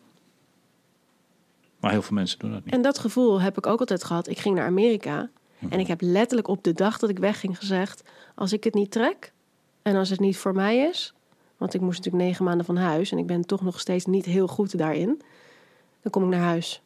Mhm. Gelijk. Mhm. Nou, ik ben helemaal niet naar huis gekomen. Heb ik een keer huilend op de grond van mijn kleedkamer gelegen, heel dramatisch? Meerdere ja. malen waarschijnlijk. Nee, nee, nee, Maar dat één niet. keer. Eén keer. Ja. Ja. maar wel echt dramatisch hoor. Echt, eh, ja, zo. Maar toen was ik ook ziek. En toen moest ik toch het toneel op. En toen voelde ik me in één keer heel ver en alleen. En eh, dat. Mhm. Ja, Toch het toneel opgegaan. tuurlijk. de, the show must go on. ja, Maar Ja. heel even over dat universum nog. Hè? ja. Ehm, dus als je iets, iets wil, Mhm. eh, en ik noem dat dan ook een beetje visualiseren, dan kun je je brein eigenlijk ervoor klaarmaken door al te denken alsof je het al bent of hebt. Hè, wat jij tijdens de bruidsjurkenverkoop hebt gedaan. Je hebt eigenlijk al zitten, ja. Ja. het is misschien een beetje een rotwoord, maar je zit te visu- visualiseren wat je eigenlijk wilde. ja, Maar waar ik zelf ook van overtuigd ben, is dat niet alleen die techniek hierboven, het brein volledig gefocust raakt. Maar waar ik heel erg in geloof is, en ik kan het niet precies uitleggen, maar ik geloof erin, dat we een soort zero point field, kwantumfysische soep om ons heen hebben, die reageert op intentie. ja, En daarom zei ik in energy flows where intention goes. ja, Het is dus niet alleen je brein dat je klaarmaakt om ergens naartoe te gaan, maar het is ook iets wat je in je elektromagnetische veld hebt. En dan ga je dingen afstoten en aantrekken. En Ja. dan ga je ook de, de situaties, denk ik, naar je toe halen die opportunities zijn. ja. Dat wil niet zeggen dat als een opportunity op je pad komt, dat het dan ook een easy ride is. Nee, Maar er is. vrijwel nooit. Nee, maar ik zeg, eh, maar ik zeg altijd, tegen mezelf vooral, als je voor je hart kiest, komt er ergens een gouden handje dat je meehelpt. Ja. Maar let op waar het handje is. En als het er is, gebruik het. Ja. Ja, nou ja, dat is heel mooi verwoord. Maar het is geen easy ride. Want eh, ik denk ook dat eh, het, eh, en ook dat kan ik niet uitleggen. So I don't know. Dat het universum af en toe een beetje gemeen is. Dus Mhm. als je weet wat je wil, je kiest voor je hart en je pakt die opportunity, dan krijg je ook meestal binnen een week of twee, drie de eerste shit op je pad. Om te Mhm. kijken of je het wel heel serieus meent. Tuurlijk. Maar Ja, tuurlijk zeg je Anders dat. is het toch ook niet leuk? ja, maar dat zijn vaak helemaal niet leuke dingen. Elke keer, echt elke keer als ik eh, eh, privé dan, dan wel zakelijk iets nieuws doe. Met een nieuw product komt of een nieuwe dienst komt of ik, ik, neem, iets- ik doe iets heel nieuws. Elke keer weer krijg ik zoveel shit in die eerste paar dagen en weken. Maar dan weet ik, ik zit goed. Ja, nou als ik, als ik het over mijn, mijn coaching dan mag hebben. Ik heb ehm, net dan mijn website gelanceerd. En op mijn website en in mijn coaching noem ik het Fight the Monster. We moeten allemaal, zolang, nee, we moeten niks. Stop. Zolang je voelt dat je dat nog wil, fighting the monster, ga je nog goed. Snap je wat ik bedoel? Volledig, volledig. Ik hang aan je lippen. En eh, de monster kan, komt op. Het is, ik zeg monster, maar het zijn eigenlijk monsters. Het komt op allerlei manieren op je af. Eén, dat heb ik altijd, namelijk mezelf. Ik ben mijn eigen grootste monster. En dat komt in een vorm van een stemmetje van... is het wel een goed idee? Kun je dat wel? Is dit wel het moment? Ga niet heel veel andere mensen hetzelfde doen. Hoe ga je dan jezelf... Nou, ik kan wel duizend vragen opnoemen zoals dit. Maar zolang ik nog van binnen voel... I am willing to fight the monster... zit ik dus nog op het goede pad. Ook al weet je soms niet hoe je moet fighten. Nee, maar dat komt dan wel. Dat zie je. That's the things will always work out for the best. ja, maar je kan toch ook niet op alles een antwoord hebben? Dat het... Nee, nee, maar sommige mensen zijn ongelooflijk lang aan het zoeken. Die zijn maanden, zo niet jaren bezig met het ontwerp van de website en een visitekaartje voordat ze gaan beginnen. Ze beginnen nooit. Nee. En ik appte jou twee dagen geleden. of was het één dag geleden? I don't know, want het is nu, eh, het is nu maandag. En ik heb Ja. het hele weekend ge- eh, hier lekker eh, ge- gewerkt. Zaterdag volgens mij. Zaterdag, dus het is, Ja. het is maandag. Dus eergisteren appten we een beetje. En ehm, ik- dan, ik nodigde je uit. Toen zei je, ja, wacht even voordat... Geef me drie dagen, Geef me drie dagen. En vanochtend, of gisteren al gelijk. Ting! En daarom zit je nu hier. Ready? Ready. Dat was echt 24 uur ongeveer. Ja. Ja, dus nou, dat dus. The Fighter Monsters. Welke website, voordat we dat vergeten? Waar vinden we jou? projectucoaching.nl Projectucoaching.nl Ja. zetten we eronder. Ja. En ehm, het begint bij je eigen monsters. En Zeker. fights the monsters. En dan? Nou ja, en dan, eh, dan eh, totdat je er bent. En dat is een eh, ongoing project met jezelf? Of Ja, gaan oh. die monsters op een gegeven moment weg? Eh, nee, die monsters gaan nooit weg. Nee, dat klopt. Die zijn Nee. altijd Nee, die monsters gaan nooit weg. Maar je kan ze wel ook heel erg voor de gek houden hoor. weg uit. Nou, ik, ja, dit, ik hoop niet dat mensen denken dat ik nu koekoek geworden ben. Ben je Maar niet, ik- want je bestaat van dienst. Kom op. Ik, ik visualiseer mezelf soms letterlijk dat monster. En ik neem dat monster dan vervolgens heel erg in de zeik. en, en soms geef ik het een klap in zijn gezicht. In mijn hoofd gebeurt dat allemaal, hè? Die van mij is dan heel erg paars met stekels. En, eh, heel schattig wel, maar wel, wel een monster. En dan, ja, dan kan ik gewoon in mijn hoofd, of soms hardop als ik alleen ben, onder de douche. Wat is zij aan het doen? Ja, Ja. fight the monsters. Ja, nee, ja. En dan, dan visualiseer ik mezelf gewoon dat monster en dat ik er tegenover sta. En dat ik gewoon echt dingen, gewoon echt grof soms ook zeg. Maar hou je bek. Laat me met rust. Je weet niks. Ik ga lekker door en dan geef ik nog een klapje in zijn gezicht. En dan zeg ik opzouten. Weg. Ja, het helpt. Eens. En dan komt hij weer dan heeft hij een ander kleurtje. Never ending story. Ja. Dit is niet de beer, dit zijn echt vette monsters. Ja. Maar het is, al, eh, nou, het is totaal niet gek wat je zegt. ja. Het is technisch ook te verklaren eh, hoe je hoofd werkt. Maar Ja. dat is, dan houdt de romantiek weg. Dat doet niet toe. Het werkt. Dus het, is werkt. voor iedereen aan te raden. Ja. Fight, fight your monsters. Ja, en dat had ik ook heel erg op tour al hoor. Want dan was ik soms was ik gewoon heel erg ongelukkig. Heel erg ongelukkig. En dat had niks mee te maken met mijn baan of met. Maar gewoon ja, het alleen zijn. En nogmaals, ik heb gewoon heel erg heimwee. Dat is gewoon iets waar ik mee moet leven. Mhm. En dan deed ik Fight the Monsters. Door ze ook een beetje voor de gek te houden. Dus dan ging ik bijvoorbeeld heel erg zitten lachen. Mhm. en, dan zat, en dan zo erg soms dat in de tourbus iemand wel eens tegen mij zei: uh, You alright? En dan gooide ik het op. Ja, ik zit iets heel grappigs te luisteren. Of eh, dat was helemaal niet zo. Maar dan zat, ik, dan zat ik gewoon zo breed uit te lachen. Terwijl ik hem helemaal niet zo voelde hoor. Echt niet. Want eigenlijk wilde ik huilen onder de dekens. En, en dat monster laten winnen. Maar ik dacht nee, nee, nee. En maar lachen. Kom maar op. Je denkt dat je beter bent dan ik? Nee. Nee. En maar lachen, lachen, lachen. Nep. Tot je bijna pijn hebt. En het is gewoon... Het werkt. Het werkt. En het klinkt, ik weet hoe het klinkt, maar dat maakt me echt geen zak uit, want het helpt. Ja, fantastisch. Want iedereen heeft die monsters. Iedereen, ach, Alleen bijna niemand weet hoe je ze moet fighten. je kan ze zo voor de gek houden. Want je bent het zelf, dus dat is... Ja. ja. Wat doe, je, wat doe je nog meer als je mensen coacht? Je leert ze in ieder geval fight your monsters. Leer, Ja. ze, te, leer ze te kennen. Ja, en, en dus ook. Ik weet niet, wij leven zo erg in een maatschappij dat je alles maar moet kunnen, alles maar moet weten. We moeten overal maar goed in zijn. Je kan niet eens meer een sport doen of je moet er de beste in zijn en het beste tennisracket en het mooiste broekje aan hebben. En ik word er zo moe van. Ik word er zo moe van. Zij de vrouw die voor topsport gaat. Nou, nee, ik denk dat is gewoon iedereen voor mijn gevoel. Mhm. Weet je wel? En waar gaat het nou nog om?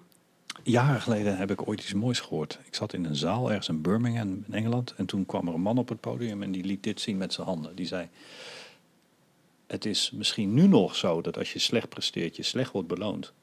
Als je gemiddeld presteert, gemiddeld wordt beloond. Als je goed presteert, goed wordt beloond. Als je uitmuntend presteert, uitmuntend wordt beloond. Hij zei, let op, we gaan deze tijd in. Presteer je slecht, dan val je uit de maatschappij, doe je niet meer mee. Presteer je gemiddeld, word je slecht beloond. Presteer je goed, word je gemiddeld beloond. Presteer je heel goed, is er misschien nog een kans van overleven. Jaren later heeft hij wel gelijk gehad. Maar dat is toch die hele maatschappij. Ja, maar. En dit is dus waar je het weer voor jezelf moet kunnen accepteren. Als je dus niet je dag hebt. Of iets doet waar je niet goed bij voelt. Of je moet ook van jezelf kunnen accepteren. We kunnen niet alles. We kunnen niet alles weten. En we kunnen niet overal goed in zijn. Dat is gewoon zo. En als je goed naar jezelf kijkt en goed naar jezelf luistert. En weet waar jouw kwaliteiten en interesses liggen. Dan kan je bijna nooit fout gaan. Maar als jij je heel erg gaat focussen op iets, waarom je het dan doet, vraag ik me af. Want dat vind ik dus heel lastig om zelf te begrijpen, omdat ik dus niet zo'n persoon ben. Dus waarom je iets zou doen wat je niet wil doen, beats me. Maar goed, als je dat dan dus doet, vind je het gek. Dat is toch, dat, dat is toch een doodlopende weg? Dat is toch bijna dat je denkt, waarom, waarom moeten we dat überhaupt nog uitspreken zo logisch? Dat gaat toch niet? Nou, dat komt eens, volledig eens. Je gaat anders met angst om. Angst is voor jou gewoon een part of life. En daar kun je overheen stappen. Jij bent niet bang, je lichaam is bang. Ja, Ja, maar dat is een hele andere manier. Er zijn gewoon heel veel mensen die de angst hebben dat ze hun huur niet meer kunnen betalen, hypotheek niet meer kunnen betalen, dat ze niet genoeg toiletpapier hebben. Dat is nu. ja, weet, je, weet je wat iemand tegen me zei eergisteren? Die zei: Arme mensen kopen toiletpapier, rijke mensen aandelen. ja. Wow. Er zijn mensen gewoon als een gek toiletpapier aan het kopen gegaan in de afgelopen week. ja. Dat is wel het laatste waar ik aan heb gedacht. Ja, Ik want dacht, als je niks meer te eten hebt, hoef je ook niet meer. Hey, eh, dan ga je toch aan eten denken. En, en wat aandelen betreft, die zijn allemaal lekker laag nu. Maar wat voor jou dus normaal is, is voor een ander niet normaal. Daarom vind ik het zo ontzettend cool dat je hier bent. Ja, hoewel ik wil wel toelichten dat, want dat krijg ik heel vaak van andere mensen. Ik klink heel fearless, en, maar dat ben ik absoluut niet. Nee, laat ik het nog een keer zeggen. Ik hoor wat je zegt en dat ben je ook niet. Ik zei net, we gaan anders. Jij gaat anders met je angst om. Ja. En dat is zo inspirerend. Want die angst is er toch. Maar ik moet wel, want ik heb van heel jongs af aan, of jong, van ja, van een jaar of 18, deal ik met paniekaanvallen in mijn eigen leven. Ook dat nog. Dus ik En dan moet ga je op podia staan over de ja, hele maar ik, wereld. ik, maar ik moet, ik moet er wel anders mee omgaan. Want we- hoe anders ben ik dat? Ben ik een paniekaanval voor de rest van mijn leven? En dan ga ik thuis zitten en dan. Ja, een, een normaal mens met paniekaanvallen, die gaat juist het tegenovergestelde doen. Die gaat niet over de hele wereld reizen. Nee, maar en- dus het monster wint. Ja, eens. En dan? Dat, maar het is toch mijn leven? Dan moet ik toch winnen? Net als dat jij toch moet winnen voor jouzelf. Dus dat is dan toch geen optie? Dus ga jij Hyperventilerend door het leven. in een bak met water. soms wel, ja, soms. ik was krap een jaar geleden, in juni, stond ik in Mexico met The Illusionist. En daar is een heel erg hoogteverschil, hè? Mexico City. is heel erg hoog. Dus daar had ik al last van. Want ik heb ook nog eens overal last van. Ik heb, kan niet op een boot. Ik ben echt motion sickness. Ik heb overal last van. Heel irritant. Dus ik had last van hoogte, ziekte. Maar ik moest wel een show doen. En we zaten zes weken in Mexico-stad. En ik vind Mexico-stad niet heel leuk, als ik heel eerlijk ben. Andere mensen misschien wel, ik niet. Er hangt smok, het is gevaarlijk, er is corruptie en dan het hoogteverschil. Ons theater was heel oud en vies en het stonk heel erg. Mijn kleedkamer stonk heel erg. En het was gewoon een witte box met TL-verlichting en een rioollucht. En we hadden drie shows per dag, elke dag. Dus dan zit je van 11 uur 's ochtends in je kleedkamer tot 11 uur 's avonds. En dan die 10 minuten dat je af en toe op het toneel staat. Dus ik lag. Eerst ging het goed. De eerste twee weken ging het oké. En toen ineens, ik weet niet, ik denk dat ik ook moe werd. Want je moet ook je lichaam een beetje kennen. Het moment dat ik moe werd, vermoeid raakte, lag ik elke dag gestrekt in de kleedkamer. Te hyperventileren. Bang dat ik flauw ging vallen. Bang dat ik moest spugen. Dat is ook zo'n angst van me. Allemaal dat. En zo heb ik de rest van de zes weken uitgezeten. Als ze me morgen bellen, ga je in juni, als dit allemaal opgelost is met de crisis, zou je in, in juni een contract in Mexico City doen? Doe ik toch. Waarom dan? Ja, omdat ik, dat, omdat ik dus zo'n ervaring heb gehad. Dus dat moet nog even opnieuw. Confronteer het monster. Ja. Ja. Kijk, het hoeft niet hoor. Als ze me niet bellen, ga ik niet. Ik ga liever ergens anders heen. Maar als ze me bellen, ga ik niet op laat ik het zo zeggen, ga ik niet op basis daarvan nee zeggen. Kijk, als ze zeggen je kan naar Mexico of je kan naar Dubai, dan kies ik toch even voor Dubai. Maar ik ga niet op basis van die angsten en van die rotperiode die ik heb gehad, gewoon omdat ik fysiek, geestelijk, ik weet niet, even niet dat monster kon bevechten op dat moment, ga ik niet op basis daarvan die keus maken. Want als je het monster laat winnen dan... Nee, gewoon nee. Er is geen dan. Nee. Dat vind ik zonde van mijn tijd, zonde van mijn energie. Nee. Dat is gewoon geen optie. Ja. Mooi hoor. Hij wint wel eens hoor. En dan? Ja. Is dat een extra uitdaging om de volgende keer weer te Ja, dan, als ik maar voor blijf staan. Waarom hebben wij die dingen? Die monsters. Mhm. Nou, ik denk dat het... Soms moet je het ook wel een beetje accepteren natuurlijk hoor. Ik accepteer de monsters ook wel eens. Ja. Want nogmaals, we staan onder zoveel druk. En het is natuurlijk allemaal wel heel logisch... dat we ons soms... eh, dat we paniekerig zijn of bang. Of, want er gebeuren dingen om je heen. En dat heeft natuurlijk een effect. Je zou, het wel heel, je zou ook wel een beetje inhumane zijn als je een soort van shield had en dat niks je kon beïnvloeden. Dat, dat zou ik wel heel knap vinden, maar dat- volgens mij kan bijna niemand dat. Nou, dat is ziek. Als je dat hebt, dat. Ja, ik bedoel, is er dan nog wel compassie en zo? Dat weet ik dan niet. Maar dus soms, die monsters die zijn er. En daar moet je mee leren leven. Maar je moet wel, en misschien kan je ze niet altijd verslaan, laat ik het zo zeggen. Maar je moet wel voor blijven staan. Mhm. moet wel 2-1 voor mij blijven. Heel praktisch. Inspirerend wat je allemaal vertelt. Heel praktisch. Cirque du Soleil. Ja, Staat op het punt van het faillissement. ja ik kreeg gisteren een e-mail. Heftig, heftig. En waarom? Nog even voor mensen die eh, later dit horen. Ehm, coronacrisis, Ja. eh, alle evenementen afgelast. Ja, Dus ook Cirque du Soleil voelt dat. ja. Hoe ga je daar dan met de monsters om? Want Cirque du Soleil is iets heel moois. Ik denk dat je het heel mooi vindt. Eh, het is ook een bron van inkomsten. Eh, als artiest ben je afhankelijk van de evenementen. ja. Dus ik kan me voorstellen dat naast je normale monsters in deze tijd ehm, extra monsters komen. ja. Hoe ga, je, hoe ga je ermee om? Op dezelfde manier? Of hoe, hoe, hoe doe je dat? Nou, in dit geval met Cirque du Soleil eh, heb ik een hele mooie tijd gehad. Ik heb mooi geld verdiend, echt. Ik heb er goede herinneringen aan. Mhm. Het is helaas tot een stop gekomen. Ik zou nu eigenlijk in Singapore zitten met Lionsgate, met Now You See Me. Dus er is heel abrupt, is mijn hele agenda leeggehaald. Mhm. Dat is jammer, maar dat is overmacht. Ik bedoel, dit waar we in zitten met z'n allen nu, deze crisis, ja, daar kan ik van alles van vinden. Fact of life.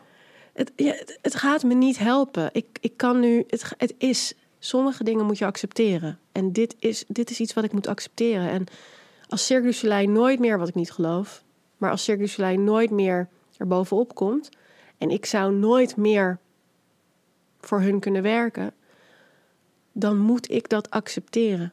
En dan wil ik daar verder ook geen gedachten aan vuil maken, want dat is allemaal afleiding van de dingen die ik nu wel kan doen of moet doen eigenlijk. Ja, richt je, ja, het is een cliché, richt je niet op de dingen die je niet kunt beïnvloeden. Het is alleen Ja. maar energieverlies. En het klinkt heel simpel, dat snap ik wel. En het, en het is makkelijker gezegd dan gedaan. En ook ik lig er wel eens wakker van, tuurlijk. Daar gaat het helemaal niet om. Maar de uitkomst moet altijd zijn: ik kan hier niks aan doen. En ik ben ook niet de enige affected. Ik bedoel, De hele wereld, ja, by the way. precies. Dus dan kan ik wel in mijn eentje jankend onder, de- onder mijn deken gaan liggen van, oh, wat ben ik zielig. Maar ik, ja. En dan heb ik het gelukkig goed op dit moment. Ik heb een buffertje. Ik zit oké. ik heb allerlei nieuwe ideeën en plannen altijd hoor. Dus dat, wat dat er gaat, heb ik wel wat te doen. Dus dan wil ik me daar ook niet te veel op focussen. Ik hoor het wel. Ik hoop dat ze er doorheen komen. Ik hoop dat ze me dan ook nog een keer gaan boeken. Want ik denk trouwens, als ze er doorheen komen, is de show waar ik in zit niet eens de eerste die terugkomt hoor. Dat zijn eerst alles, alle shows die in Las Vegas op de strip vaststaan. Wat is de strip? Ehm, oh, oeh. Dat, is, eh, dat is eigenlijk de straat in Las Vegas, de strip. Mhm. Waar alle hotels aan zitten, zoals je ze kent van de films. Met al die lampjes. En, en daar zitten een stuk of, even, ik doe het even uit mijn hoofd, maar acht of negen Cirque du Soleil shows. Die staan daar vast. Dus die komen eerst terug. Mhm. Ja, en wij zijn reizend. Dus wij komen pas als een van de laatste terug. Heel mooi spanningsveld. Aan de ene kant vorm je het leven zoals je wil en je gaat erachteraan. En je pakt de opportunities en je volgt je hart en je, en je gut feeling, zoals je zei. En aan de andere kant heb je, heb je dat je je volledig kan neerleggen, in de positieve zin des woords, bij iets wat je totaal niet kunt beïnvloeden. Want die twee uitersten zijn volgens mij heel erg belangrijk om te kunnen doen.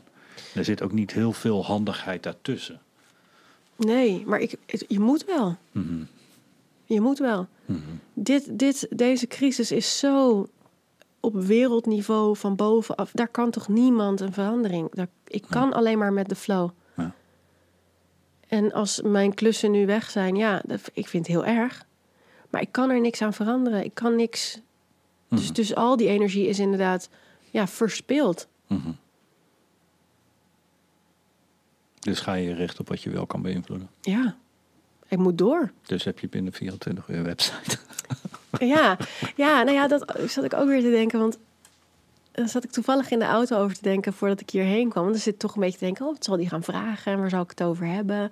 En dat is ook, want jij hebt het al een paar keer aangekaart en ik heb me er heel lang tegen verzet. Maar ik heb het nu geaccepteerd. Perfectionisme is een van mijn monsters. Dus die, en perfectionisme kan je heel ver brengen. Hè? Dus het is ook een beetje een goed monster. Maar het is soms ook echt een monster. En daar moet ik me dan toch af en toe een beetje tegen vechten. Ik vind dat perfectionisme belangrijk is. Als je daarbij ook het besef hebt dat er altijd iemand is die het beter zal kunnen dan jij. Ja, Dus perfectionisme is een idee fix en een onmogelijkheid, totale utopia, maar je moet er wel naar streven. Maar wat mij heel erg heeft geholpen is als dit alle skills van de wereld zijn, dus echt alle vaardigheden die je als mens kan leren, dan is er maar een heel klein aantal waar je goed in kan zijn. ja, En de rest, het merendeel dus, gaat niet lukken, kan niet. Dat kun je ook weer twee delen onderverdelen. Het eerste is loslaten, niks mee doen. En dan heb je nog een gedeelte van dingen die je niet kan, die je wel moet leren, omdat het anders te veel obstakels worden. ja.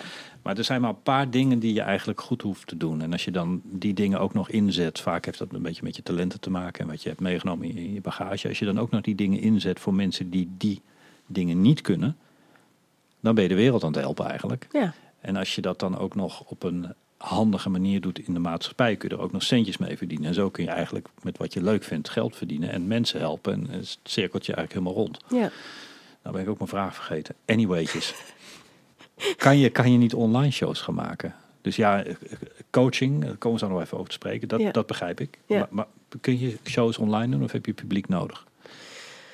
Eh, nee, zeker niet. niet. Niet jij, jij publiek nodig, maar kun je... Kun je Nee, nee, zeker niet. Ik bedoel, ja, je publiek eh, heb je dan, want die zitten thuis achter een laptop of een telefoon. Ehm, eh, ja, dat kan. Je kan zeker online shows maken. En ehm, ik zie heel veel collega's dat ook doen, Mhm. maar ik voel daar niks bij. Nee. Dat voelt voor mij dan toch weer een beetje van: kijk mij. En ik kan niet stoppen. En eh, ik hoop dat iedereen op likes gaat drukken. En dat gaat. Nee, nee, nee. nee. nee. I know. Ik, ik ben meer voor de, voor de. Ik hou van theater voor de hele ervaring. En daar wil ik een deel van uitmaken. Weet je wel dat het dan zo donker wordt en dat het dan gaat beginnen. Dat, Je kunt niet meer terug. Je moet. Dat lichaam gaat stuk. ja, maar je moet. verschrikkelijk. En dan sla ik mezelf in mijn gezicht altijd, op mijn wang heel hard. Pijn prikkelt, het werkt altijd. Weet je, heel veel mensen die eh, meer willen weten over eh, eh, public speaking, Mhm. merk ik. En dat, dat is echt al tien jaar enorm veel vraag naar. Ja, Die willen eigenlijk horen dat je kunt leren om nooit meer bang te zijn. ja dat gaat niet. Maar ik heb nog nooit een artiest gesproken, zeker niet op wereldniveau, die dan niet bang is of niet de angsten kent. Nou, zal ik je eens wat zeggen? nou vooruit. soms, Eén uitzondering die de regel mag bevestigen. soms heb ik dat. Heel soms. En dan maak ik me druk.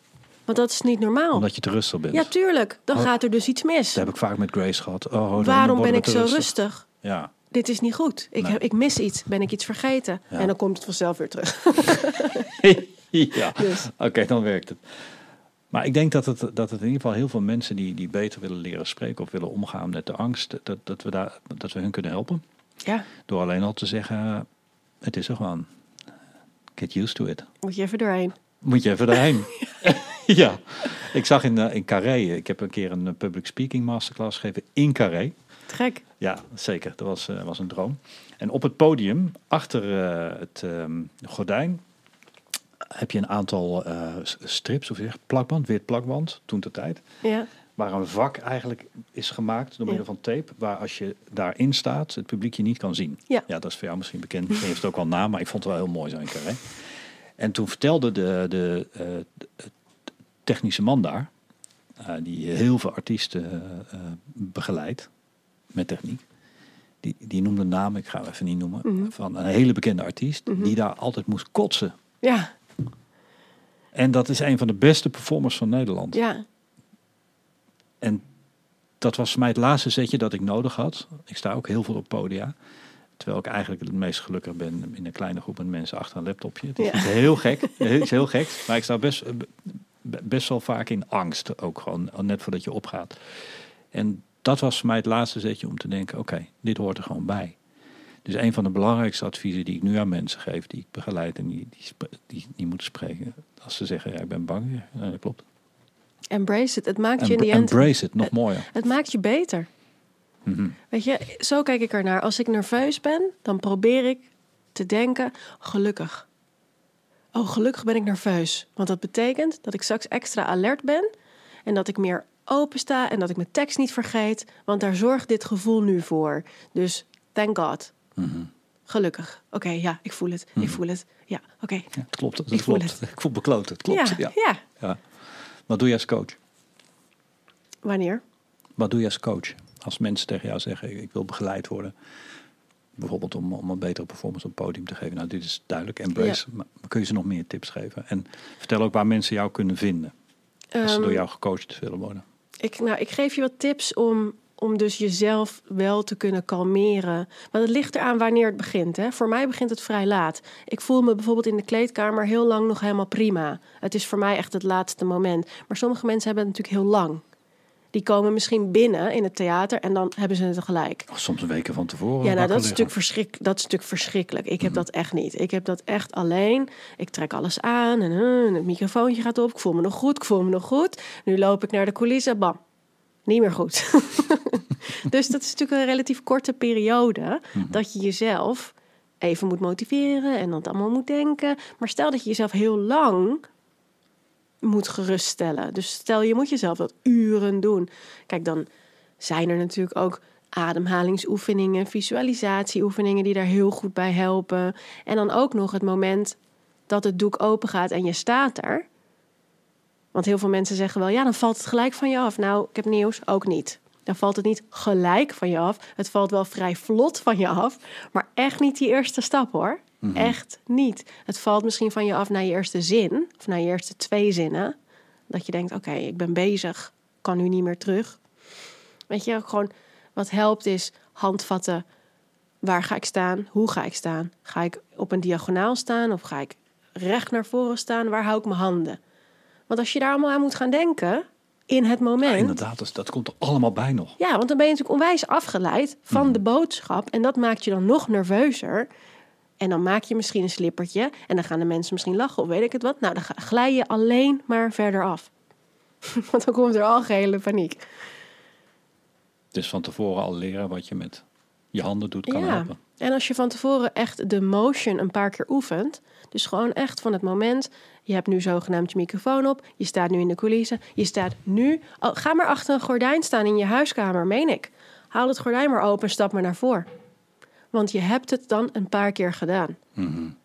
Je kan jezelf tricken in het gevoel beleven. En tuurlijk, jij en ik weten heus wel, ik sta in mijn woonkamer en die mensen zijn er niet. Maar toch, het is een stukje van de algehele beleving die je nu voor je hersenen al normaal hebt gemaakt. Nou, ik, ik hoor je toch telkens zeggen, direct of indirect, je kunt jezelf voorbereiden. En ik noem dat mental rehearsal. Ja, Dat doe je. In het hoofd doe je het al. En je, je faked het ook bij elkaar. ja, tuurlijk. Ja, Ja. tuurlijk. Ja, normaal. En dat ook, weet je, als je toneel opstapt, haal eerst maar adem. Ga er maar staan. Mensen zien je al, maakt niet uit. Adem uit. Even een grote lach. Is weer even om die hersenen te triggeren dat je helemaal prima bent. Ben je niet, maar je bent helemaal kapot. prima. ja. En begin. Dat is ook, het scheelt al een hele hoop. Kijk, als jij oploopt en je gaat meteen beginnen, ja, dat gaat mis. Wat doe je dan? Wat doe je wanneer? Als het misgaat? als je oploopt? Nee, dat zeg ik. Dus je loopt op. Mhm. Je gaat gewoon even staan. Dat bedoel ik. Dus je neemt even een momentje. Ja hoor. Adem uit. Even lachen. Hi. En begin. Ja. Vindt niemand erg hoor. En geldt dat in het normale leven, tussen aanhalingstekens, wat jij nu beschrijft, geldt dat ook voor als je een, een spreekbeurt hebt waar je je collega's moet toespreken? Kun je die, kun je die dingen die je uit showbiz en entertainment hebt geleerd, Oh ja. één op één zeker? Ja. Ja. Het publiek is een publiek. Of het er nou vijf zijn of tienduizend. Ik zie ze toch niet zitten. Ik zie toch twee rijen en de rest wat erachter zit zie ik niet. Dus het maakt niet uit. Mooi. Wat Nee. doe je nog meer voor mensen als coach? Wat kunnen ze bij jou halen? Ehm, ik hoop dat ik mensen kan motiveren. Nee, laat ik het anders zeggen. Ik kan mensen motiveren te kiezen voor dat waar hun pad ligt. Want wat jij zei in het begin, heel veel mensen zijn een beetje terughoudend en zijn en durven niet die beslissing te maken. En ik kan best wel recht voor ze rapen en kort voor de bocht en een beetje tegelijkertijd ook down to earth het probleem naar voren halen, waardoor een ander vaak denkt: ja, ja, ik weet het, ik heb ook niks meer hierop terug te zeggen. Je hebt gelijk, soort van. Ik hoef me gelijk niet. Maar als die zelf maar inzien, ja, waarom doe ik het eigenlijk niet? En ik, ik probeer je ook te helpen te accepteren dat als het dus niet voor jou is en als het dat is oké. Het is oké. We hoeven niet te slagen in alles wat we doen en alles wat we proberen. Nou, volg in godesnaam je eigen pad. Ja, en probeer eens een keer wat. Leven is kort.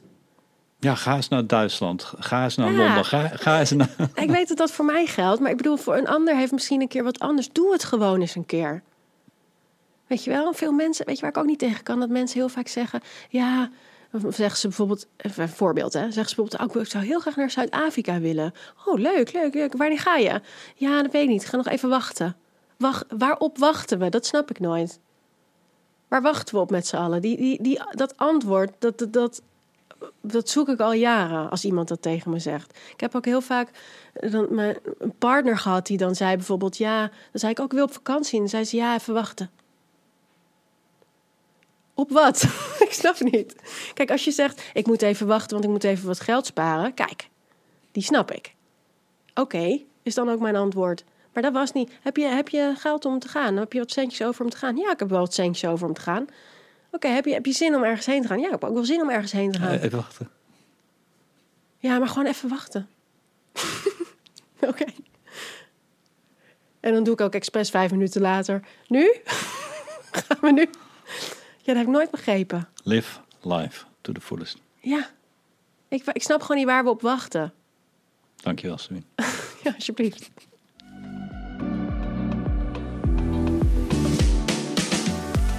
Investeer in jezelf en volg de Powertrail opleiding.